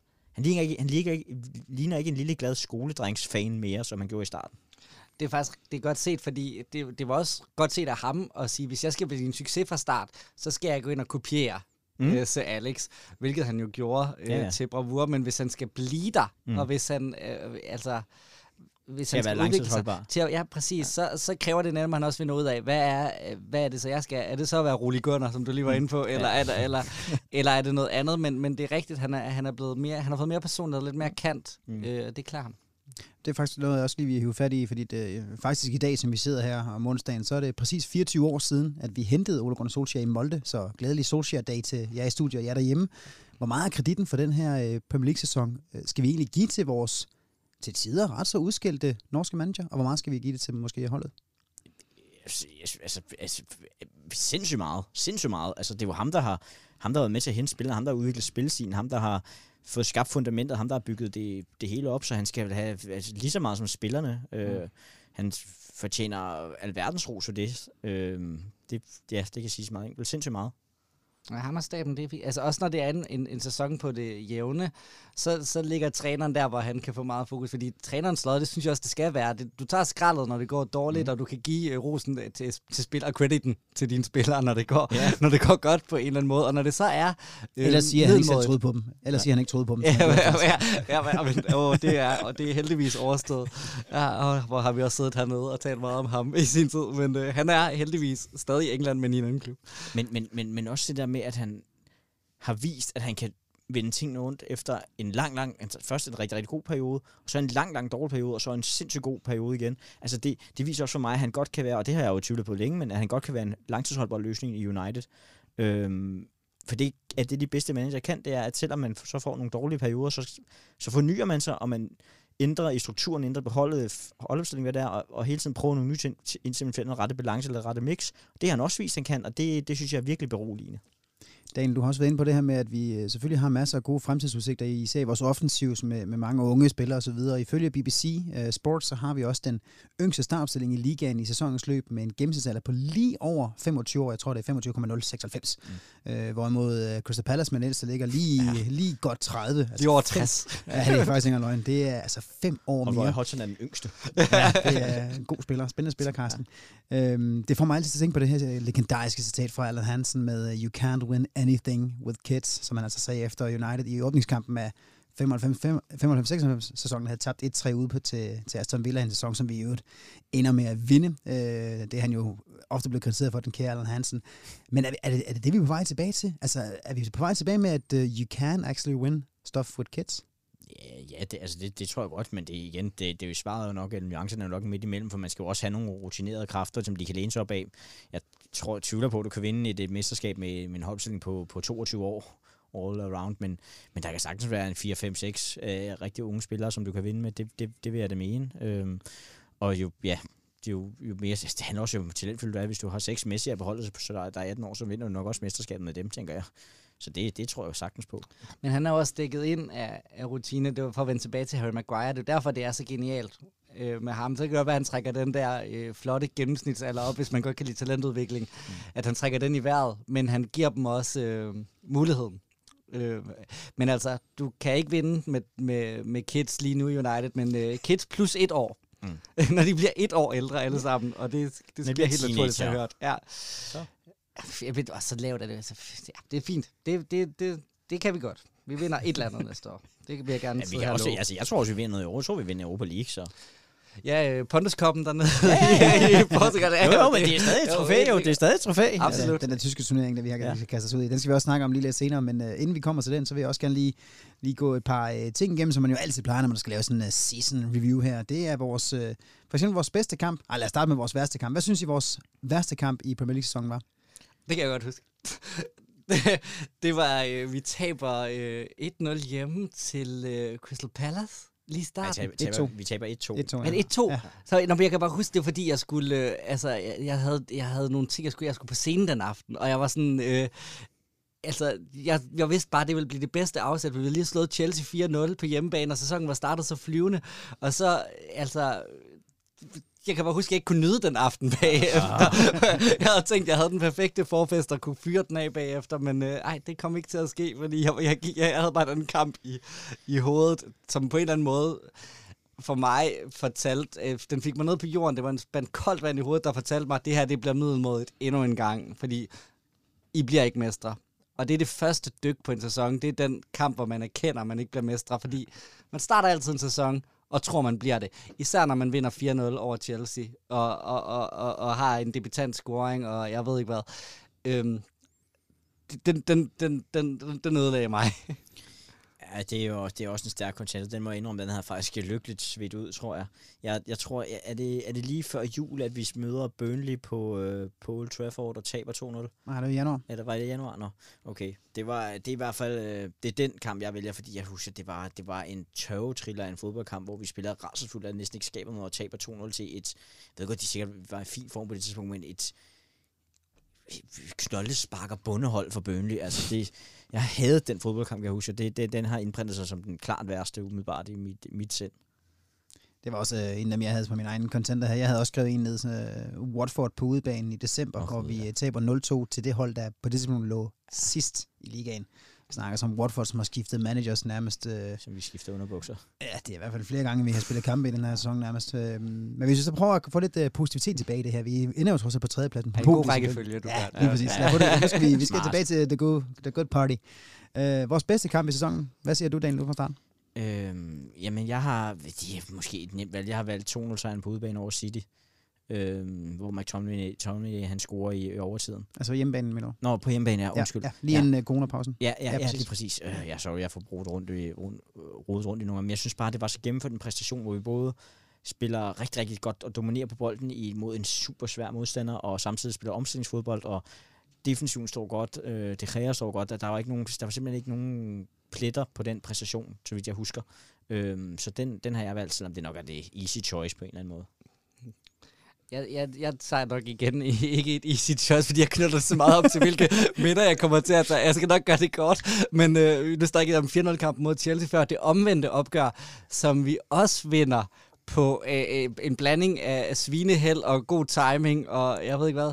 Det, det sidder jeg og ser øh, på min øh, telefon med øh, i Marienlyst øh, kur og spa hotel med mine fødder i sådan noget øh, kover øh, fodbad i sådan en badekåbe, og så sidder jeg, der sidder en mand ved siden af, jeg er sådan lidt bange for, om jeg irriterer ham, fordi jeg sidder og ser fodbold, og han har det der spag-øjeblik, så viser det sig, at han sidder og ser præcis den samme kamp på øh, hans smartphone, og så snak, falder vi jo i snak, og så viser det sig ret hurtigt, at han er glødende Chelsea-fan. Nå. Og, og vi sidder i den situation, der er ingen af os, der kan komme ud af den. Vi sidder der øh, altså, ret tæt på at være nøgne med, i et fodbad, og, og, og jeg har den ultimative helseoplevelse, da, da de får underkendt mål, og vi scorer dem til gengæld, og ah, det er fantastisk. Altså, altså, jeg ved ikke, Mathias, med dig, men nogle gange kan jeg godt blive så ophidset af fodbold, at jeg også kan blive ophidset. Så det håber jeg altså ikke, at det, at det blev. Ah, vi elskede blidt bagefter, hvor jeg, hvor jeg fik lov at give. Ja. Oh, God. Nu- Okay, det, det tog, nu tog det en meget, meget mærkelig drejning, det her. Men... Ej, min historie var rigtig indtil det aller, til allersidst. Ja, fair nok. Jamen, jeg sidder lige og kigger lidt her. Det var tilbage i februar. Hvis du står til at blive far her snart, så er det Ja, det er en god pointe. Ja, der skete mange ting den aften. En af, de, øh, en af de områder, hvor vi især var gode, det var jo altså mod de øvrige hold i, i top 6. Øh, vi henter i snit 2,3 point i kampen mod de øvrige hold i, i den, ja, det den bedste halvdel, så må man sige, i hvert fald de, de top 6 placerede mandskaber. Hvorfor tror I, vi var så gode i lige præcis de kampe mod de hold? Øhm, altså, jeg synes, det er rimelig indlysende svar har været, at som vi også var inde på, så har Ole jo bygget holdet op omkring forsvaret, og vi har fået styr på det, mere eller mindre, selvom vi stadig laver fejl, og vi kan jo godt blive bedre, men, og så har vi spillet rigtig meget på omstillingen i de kampe, og vi har et sindssygt veldrevet omstillingshold med, nogle, med sindssygt meget fart og teknik øhm, og dynamik. Og det har, altså alle, alle, stort set alle de andre tophold, måske Manchester Tottenham nu, efter de har fået øh, Mourinho, vil jo gerne spille fodbold, og, og går ikke på kompromis på den måde, og det har ligget sindssygt godt til os. Øhm, det er også derfor, jeg, jeg er lidt bekymret, sådan, hvis jeg skal pr- proppe lidt malurt i bæret for fremtiden, for jeg tror godt, Ole også vil spille mere dominerende, også mod de bedste hold. Og der kan jeg godt være lidt bange for, at vores forsvar stadig er for så skrøbeligt, at det måske ikke kan komme til at bide os i røven, vi kan få nogle nederlag på den konto, men, men det må vi jo se på. Jeg, jeg synes klart, det har været, fordi vi har været så stærke på omstillingerne, og, og defensivt solide, at det har givet os nogle rigtig, rigtig flotte resultater. Det er ret påfaldende. Det er også fordi, det står lidt i modsætning til, hvordan man er blevet mestre tidligere, hvor man nærmest har haft det halve øh, pointgennemsnit mod øh, de Ja. andre top 6 hold, men bare har... Og smadre eller andet. Ja, men simpelthen bare øh, øh, vadet eller tørt gulv med, med alt. Øh, altså alle andre øh, mellemklubber og bund, bundhold, ikke? Øh, det er, jo, det, er jo det er godt nok nye toner. Altså, det er helt ufatteligt. Øh, men det har været sådan i et, i et stykke tid faktisk, at, at vi egentlig har et okay snit øh, mod, øh, mod de andre tophold, og, og, og simpelthen bare ikke øh, kan ramme den der konsistens. Det, det vender faktisk, vi bliver nødt til at vende tilbage til det, vi har talt om i, i dag med, med bundniveauet. Mm. Det er jo det, det handler om. Når, når man, når man, når man de, de kampe, vi så fremhæver som de værste i sæsonen, det er jo alle sammen øh, øh, kampe, du ikke må tabe hvis du skal, øh, hvis du skal være mestre. Og, og vi taber simpelthen for mange af dem. Vi kan alle sammen komme i tanke om hver vores øh, bidre nederlag til en elendig klub. Øhm, så, så, så kan du ikke vinde Premier League, når, når du har så godt, og så, og så øh, må jeg med, med sorg melde, øh, sprudlende øh, øh, andre øh, tophold, som du har i, især i Liverpool. Ikke? Præcis. Men tror jeg seriøst, det her det aftryk, som vi giver os selv, og det aftryk, som, som især øh, de sidste runder her, de sidste mange runder gav, altså er det nok til, at vi kan gå op og lege mere omkring mesterskabet allerede næste sæson? Nu, nu så jeg øh, for højde for, at vi selvfølgelig får et par forstærkninger. Det gør de andre hold også, sådan er det naturligvis. Øh, nok især både Chelsea og, og Ja. City, de ser ud til at forstærke sig rigtig, rigtig godt. Er det nok til, altså den, den, den måde, som vi spiller på nu, er det nok til, at vi kan komme der omkring? Altså, nu, altså, jeg vil godt sige, altså, jeg vil godt lige sige, at Chelsea skal hente, jeg vil sige, at Chelsea skal hente en, en målmand og, og fire nye forsvarsspillere, for jeg tror, at de... Nej, det behøver de altså ikke. Det behøver det ikke. Nå, det var det ironisk, det der. Eller hvad? altså, nå, ja, det, var, det er en anden snak, fordi det, det, jeg synes også, de har hentet godt ind, men jeg synes bare, at der er nogle andre... pos- Jeg synes, de prioriterer mærkeligt. Nå, anyway. Øhm, ja, altså, jeg, jeg, siger, jeg tror godt, vi kan spille med. Når jeg siger spille med, så er det, fordi jeg tror på, at vi lander en sikker slutplacering i top 4 sammen med Liverpool City og Chelsea næste sæson. Og at vi ikke ligger over rundt ved en 5., 6., 7., 8. plads og at der ikke er 33 point op til, til Liverpool. Altså, det er også det, det handler om. Jeg tror, jeg tror ikke, vi bliver mestre, men jeg tror godt, vi kan komme meget, meget tættere på, og ja, som sagt, lande en sikker top 4, i hvert fald top 4, og nok også top 3 øh, placering. Det, det, det tror jeg. Altså, jeg tager godt helt lægge hovedet på blokken og sige, det er, kun, det er jo kun fanhjertet, der taler, når jeg siger, at vi kan spille mere om mesterskabet. Men jeg lægger hovedet på blokken og siger, at vi er ikke 33 point fra mesterskabet mm. næste sæson. Øh, vi, øh, altså, kommer vi ned på et ciffer, så, så, så er det super. Men altså, jeg, jeg er helt sikker på, at vi, vi altså, placeringsmæssigt, resultatmæssigt øh, rammer i år eller derover. Øh, det skal jeg både mm. tro og håbe på. Øh, hvor langt derover vi kommer, det er der også andre hold, øh, der har indflydelse på. Mm. Øhm, men, men der er ikke 33, vi er ikke 33 point for at blive være de bedste. Det er vi ikke. Nej, det er helt enig, og jeg synes også, det er sådan, når man kigger på, altså, når man kigger på, at United, United, alle er jo selvfølgelig ramt af, af, af hvad hedder det, coronakrisens økonomiske konsekvenser, men United er jo et af de hold, på grund af den sunde økonomi og struktur, vi har i klubben, og med de sponsorretvarer, der faktisk er mindst, mindst ramt af det. Så vi har jo også en fordel, kan man sige jeg tror, at der er projekter i Arsenal og Spurs, og især Arsenal, som nok skal blive gode på sigt, men, men der er så langt lige nu, at de ikke rigtig bliver en konkurrent til top 4. Og Wolves og Leicester og sådan noget, tror jeg også. Altså, jeg, jeg, jeg tror, at vi får en stensikker top 4, der hedder Liverpool, City, United, Chelsea. Så må vi se, hvordan det ender indbyrdes. Leeds. Men, nej, nej det, ja, det, det, det, det, tror jeg nu ikke. Men, ja, men, men, men altså, jeg tror på, at de fire kommer til at skille sig ret markant ud. Jeg tror ikke, at der bliver lige så stor afstand mellem dem, men til gengæld tror jeg, at der bliver en kæmpe afstand mellem de fire, og så Ja, resten af ligaen faktisk.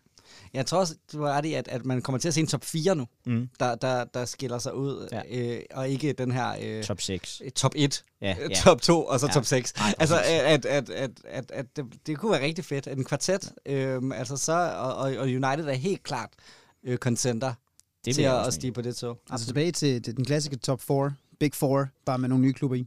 Ja, ja, ja. Det, det, det, det tror jeg. Altså, det har været hele tiden, det har været min fornemmelse. Øh, selvfølgelig også med det forbehold, som du også siger, Niels, at vi får hentet de rette forstærkninger, og mm. Ole bliver backet in the transfer market. Mm. Jeg ved ikke, hvorfor det skal være på engelsk. Det, det kan også være, at han gør det nu, fordi vi netop også har fået kvalificeret sig til, til Champions League, og som øh, jeg sad og læste noget med, at, at det giver cirka øh, sammenregnet 3,5 gange flere penge mm. at komme med i Champions League, end det gør for eksempel i Europa League. Bare det, hvis vi vinder Europa League, altså hele turneringen, så vil vi få omkring 45-50 millioner euro. Ja, er det, hvorimod en, en, en kvartfinalplads giver 90 millioner. Jeg kan, jeg kan, heller, jeg kan heller ikke forestille mig, altså jeg synes også, Woodward må også, nu, nu må vi også rose med lidt, han har også, han har også vist både tidligere managers, og også især under Ole her, at han er villig til at spendere, han er villig til at, til at støtte managers, så jeg kan heller ikke forestille mig, at han ikke får lov til at hente øh, to-tre spillere. Jeg tror heller ikke, vi henter fire eller fem, som der er nogen, der gerne vil have, vi skal gøre. Det, det, det tror jeg ikke. Der må man også se på verdenssituationen den økonomiske situation, at det, men, men, men to-tre to, tre nye forstærkninger, det, det tror jeg skal være nok til at bringe os tættere på i hvert fald. Det er ret fedt, at, at, at øh, når man snakker om et konglomerat af den kaliber, at, at placeringer og Champions League-placeringer og adgangen i sig selv rent faktisk er en vigtig faktor. Altså det, det, det bringer fodbold ned på et niveau,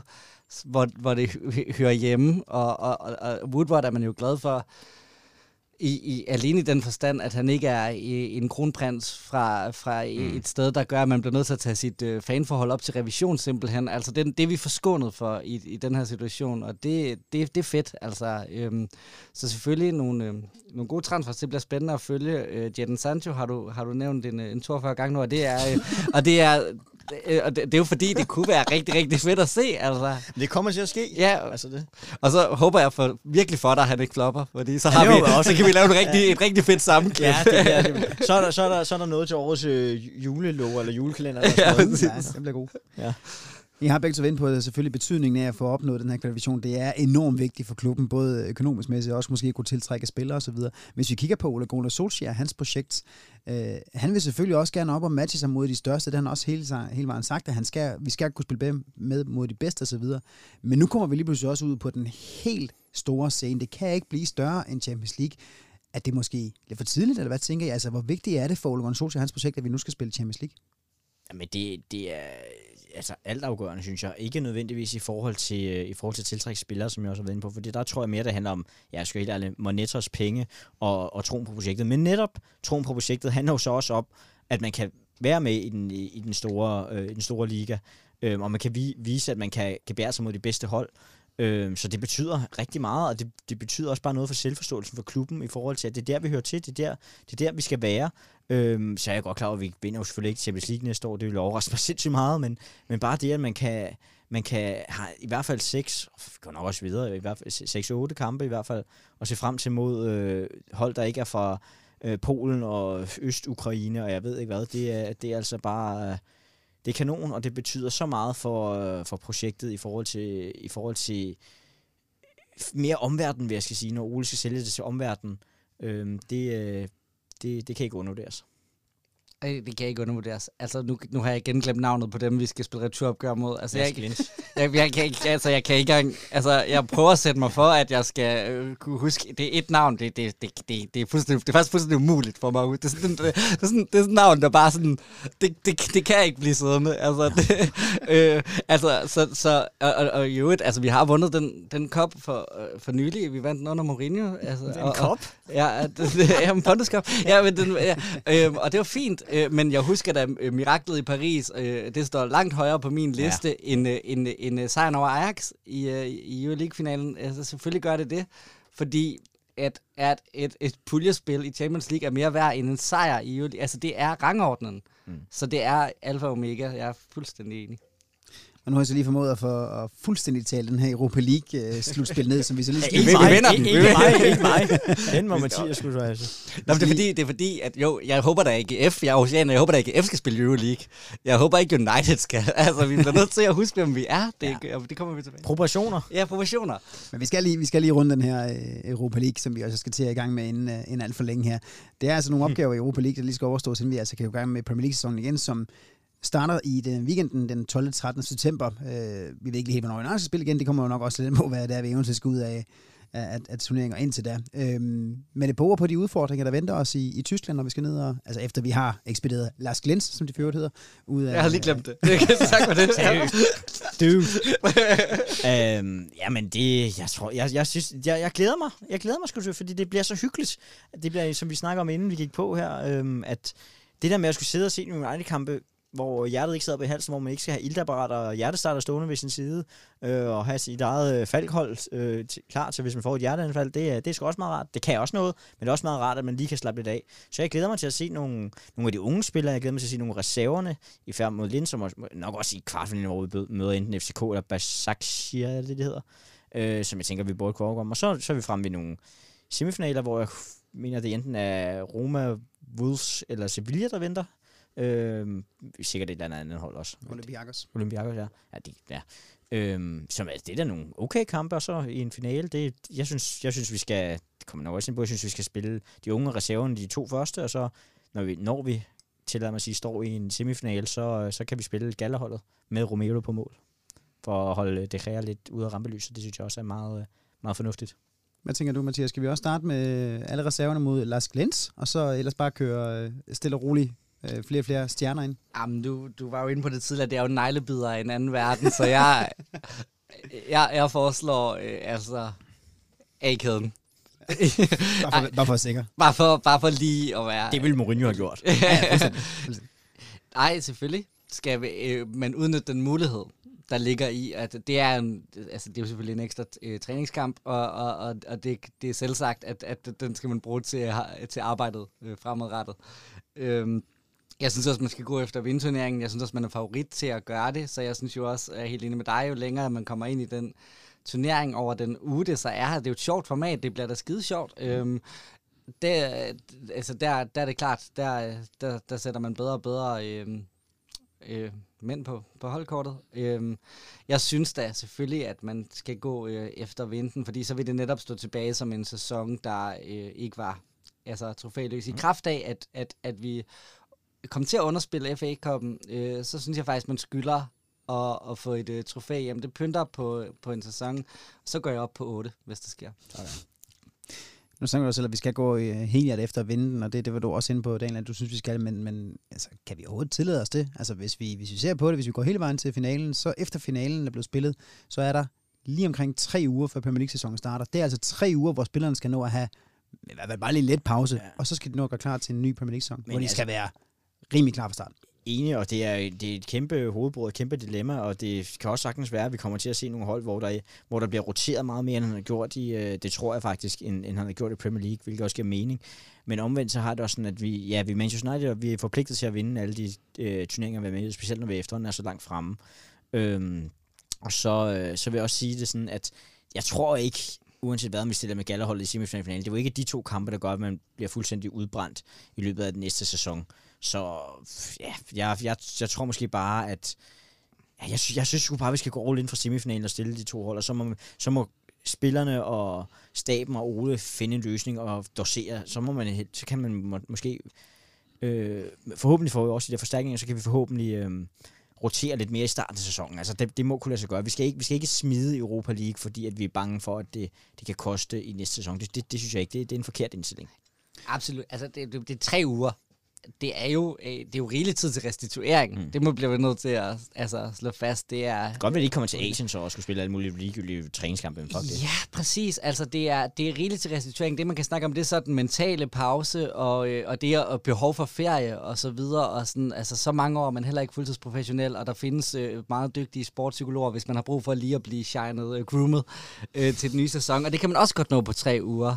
Øh, bare spørg Henrik Sass i sin tid. Ikke? Altså, det, det, jamen, det, det, det skal nok, altså det, det, det, det gider jeg ikke. Så jeg vil gerne være den lidt vristende kunde i butikken og sige, I spiller, og I spiller med gallerholdet i finalen, ja. selvfølgelig gør jeg det, fordi I har tre uger til at, at gøre jer klar. Altså jeg synes ikke, det lyder som lidt, jeg synes, det lyder som rigeligt. Nej, nej også, også fordi, at altså, nu, nu følger jeg jo mange spillere på sociale medier Instagram, og de er jo også sendt på ferie nu ja. alle sammen. Altså, de er jo ude og få lavet batterierne op og sådan noget. Det kan godt være, at de ikke får lige så lang tid, som de plejer, men de er også, det er også professionelle top idrætsfolk, elitesportsudøvere, som jeg, jeg selvfølgelig forstår godt, at det kan være hårdt for dem, specielt lige nu, men det bliver jo stadig lidt anderledes næste sæson, så jeg, jeg synes, jeg, det må kunne lade sig gøre. Jamen, der har vi også fået et eller andet med fodboldspillere helt generelt, med at ja. de er, skal, skal pakkes ind i vat på en helt anden måde. Jeg ved godt, det er super eksponeret og så videre, men når man tænker på øh, øh, cykelrytterne lige nu, eller mm. generelt øh, topaddeter, der er trænet op mod de olympiske lege, der er så blevet udsat et år, og så altså, det, det er et år mere øh, på, altså, hvad end de dyrker idræt, inden de skal præstere på allerhøjeste niveau. Altså, de får lov til altså det er deres privilegie at være eksponeret, mm. og være på og spille finaler uge efter uge. Øh, sådan ser deres fans det i hvert fald. Det er hårdt på en anden måde. Men altså, jeg synes, vi har lidt en tendens til at, at tænke, at de skal have lidt mere sådan fred og af tid og alt sådan noget. Altså, de, de, de er mange, mange, de mange millionærer for det her. Altså, det, det skal vi også huske. Ingen tvivl om, at vi nok skal, også skal gå lidt mere i dybden med uh, Uniteds minimum ene og forhåbentlig fire kampe i slutspillet af Europa League. Det er altså i den uh, næste podcast. Men lige nu der er vi altså nået til det sidste punkt her på dagsordenen. Det er denne, denne uddannelse, hvor mine gæster de får fri taletid. I kan styre talestrømmen, som kun Kim Hun han kunne. Og skal vi ikke lade øh, Daniel lægge for land? Har du en medbragt pointe, som du gerne vil have med ud i æderen? Ja, øh, jeg tror ikke, det kan måske ikke komme bag på de fleste nu. Jeg har været lidt inde på det, men det er bare i forhold til at jeg har jo været meget kritisk og efter Ole Gunnar Solskjaer i, øh, i, i de første års tid, han var her. Øhm, og jeg må bare sige, at jeg må æde min ord og sige, at han, han virker til at være the real deal også som manager. Jeg synes, han, han har vist, han er selvfølgelig også blevet slået nogle gange, men han har vist både taktisk og mandskabsmæssigt og på transfermarkedet, at han har, hvis ikke alle, så rigtig, rigtig mange kvaliteter til at være, til at blive en topmanager, og jeg synes, han har ført det her United-hold og det her United-projekt i en retning, som jeg ikke har set mere spændende end måske, jeg tror, vi skal base det der 08-10 hold under Ferguson. Altså, jeg synes, det ser så lovende ud og så spændende, og øhm, ja, jeg må bare sige, jeg skylder Ole Gunnar Solskjaer en undskyldning for at have, hmm. for at have givet op på ham for tidligt. Øhm, så når han selvfølgelig lytter til den podcast, så, så vil jeg sende ham en, en, en stor krammer, og en kæmpe tak for en, en, en op og ned, men mest af alt fornøjelig sæson, og et kæmpe tak for, at han har geninstalleret troen på Manchester United i mig. Og her kommer han. Nej. hey! selvfølgelig lytter han med. Vi ved jo, at uh, Emil, redaktøren på Old Trafford DK, de er jo nærmest best pals med yes. Ole Gunnar Solskjaer. Han var oppe og interviewe ham i forbindelse med jubilæumsmagasinet, der blev bragt i forbindelse med, at Old Trafford DK altså fyldte 15 år for et par års tid, sådan et magasin, som jeg øvrigt kan anbefale mig lige for fingrene i, hvis man ikke har læst det endnu. Uh, Mathias, har du også lige noget på hjertet, du gerne vil ud med? Jamen, så gør det noget til, til vores fans uh, herhjemme. Altså nu, uh, nu var du så sød ved mig og, og læse den sidste del af min forudsigelse, hvor jeg, hvor jeg selvfølgelig fastslår, at United vinder 2-0, hvorefter United øh, vinder 2-0. Øh, øhm, så det er jo så godt. Men, øh, men, men grunden til, at jeg er så øh, opmærksom på at skrive, at det måske være typisk for United at vinde den her kamp, det er, at jeg synes, der var en stemning øh, op til kampen af, at det ville have været typisk, øh, hvis United øh, havde øh, tabt den her kamp. Og, og så, så tror jeg bare, at jeg vil give en lille hurtig historielektion til folk, der åbenbart først har startet med at holde med klubben, efter øh, så Alex han øh, stoppede. Altså, United er et vinderhold, og det er vi især i de kampe, der betyder noget. Uanset om vi har fortjent det eller ej rent spillemæssigt, så er det typisk, at United de vinder. Øhm, det er, i, nu, nu, jeg ved ikke, om vi noget berører øh, øh, on øh, camera, at, øh, at AGF og OB spiller en kamp lige nu, mens, mens vi snakker. Jeg er Aarhusianer. Det er typisk for AGF at tabe den her kamp. Jeg aner ikke, hvad der står, men de er blevet nummer 3, OB er blevet nummer 7. AGF har fortjent det på alle tænkelige måder, og det vil være typisk for dem at gå ud og tabe, fordi jeg har en klassisk tabermentalitet som AGF-fan. Så har jeg United, som altså selvfølgelig vinder. Altså, det er derfor, altså, jeg har begyndt at holde med dem, fordi de vandt, og fordi jeg gerne vil vinde, og jeg kan godt lide at se på det hold, der vinder. Og så synes jeg, det er ærgerligt, at fans i egne rækker snakker om, at det er typisk for United at tabe mod Leicester i en finalekamp om Champions League, som det jo var. Mm. Øhm, så det er bare en lille uppercut til de øh, pessimister, der måtte have været op til kampen, der, der tænker, at vi er sådan et hold, der går ud og snubler på målstregen. Nej, vi er et hold, der kommer frem til målstregen. Vi ved ikke helt, hvordan. Vi gør det nogle gange øh, med bravende flot spil. Nogle gange gør vi det ved et tilfælde og en, en, en var for meget. Men vi når der, og så vinder vi. Det er sådan United der. Det var amen. bare det. Amen, amen. Dejlig opsang her på øh, falderiv fra Mathias Bundgaard. Jeg kan da lige øh, oplyse om, at øh, lige før pausen, så er AGF faktisk kommet for med 1-0 OB her, hvor vi er okay. halvvejs den, kan, igen den kamp. Lidt nederen for Og mig, Niels, fordi jeg faktisk Niels også... jubler lykke, lykkeligt. Ja, det er lidt ærgerligt for mig, som også er lidt, uh, lidt strivet i hjertet. Nå, det var noget helt, helt andet. Men det var også uh, det sidste for den her uh, podcast. Jeg vil slutte af med at sige uh, mange tusind tak for besøget til Mathias Bundgaard og til Daniel Modsgaard. Selv tak. En tak skal selvfølgelig også lyde, lyde til jer lyttere, som fører jo altså altid er velkommen til at byde ind med spørgsmål eller emner, hvis I ligger inde med noget. Skriv til os på enten Twitter eller på Facebook. Vores podcast indbakke er altid åben. I næste uge, der vil Emil Jørgensen klæde jer på til det, der forhåbentlig skal ende i endnu en europæisk tri- triumf og et trofæ til pokalskabet på Old Trafford. Men indtil da er det Niels Soltinesen, der siger tak for nu, på genhør og Come on United! Woo, but I could have wished.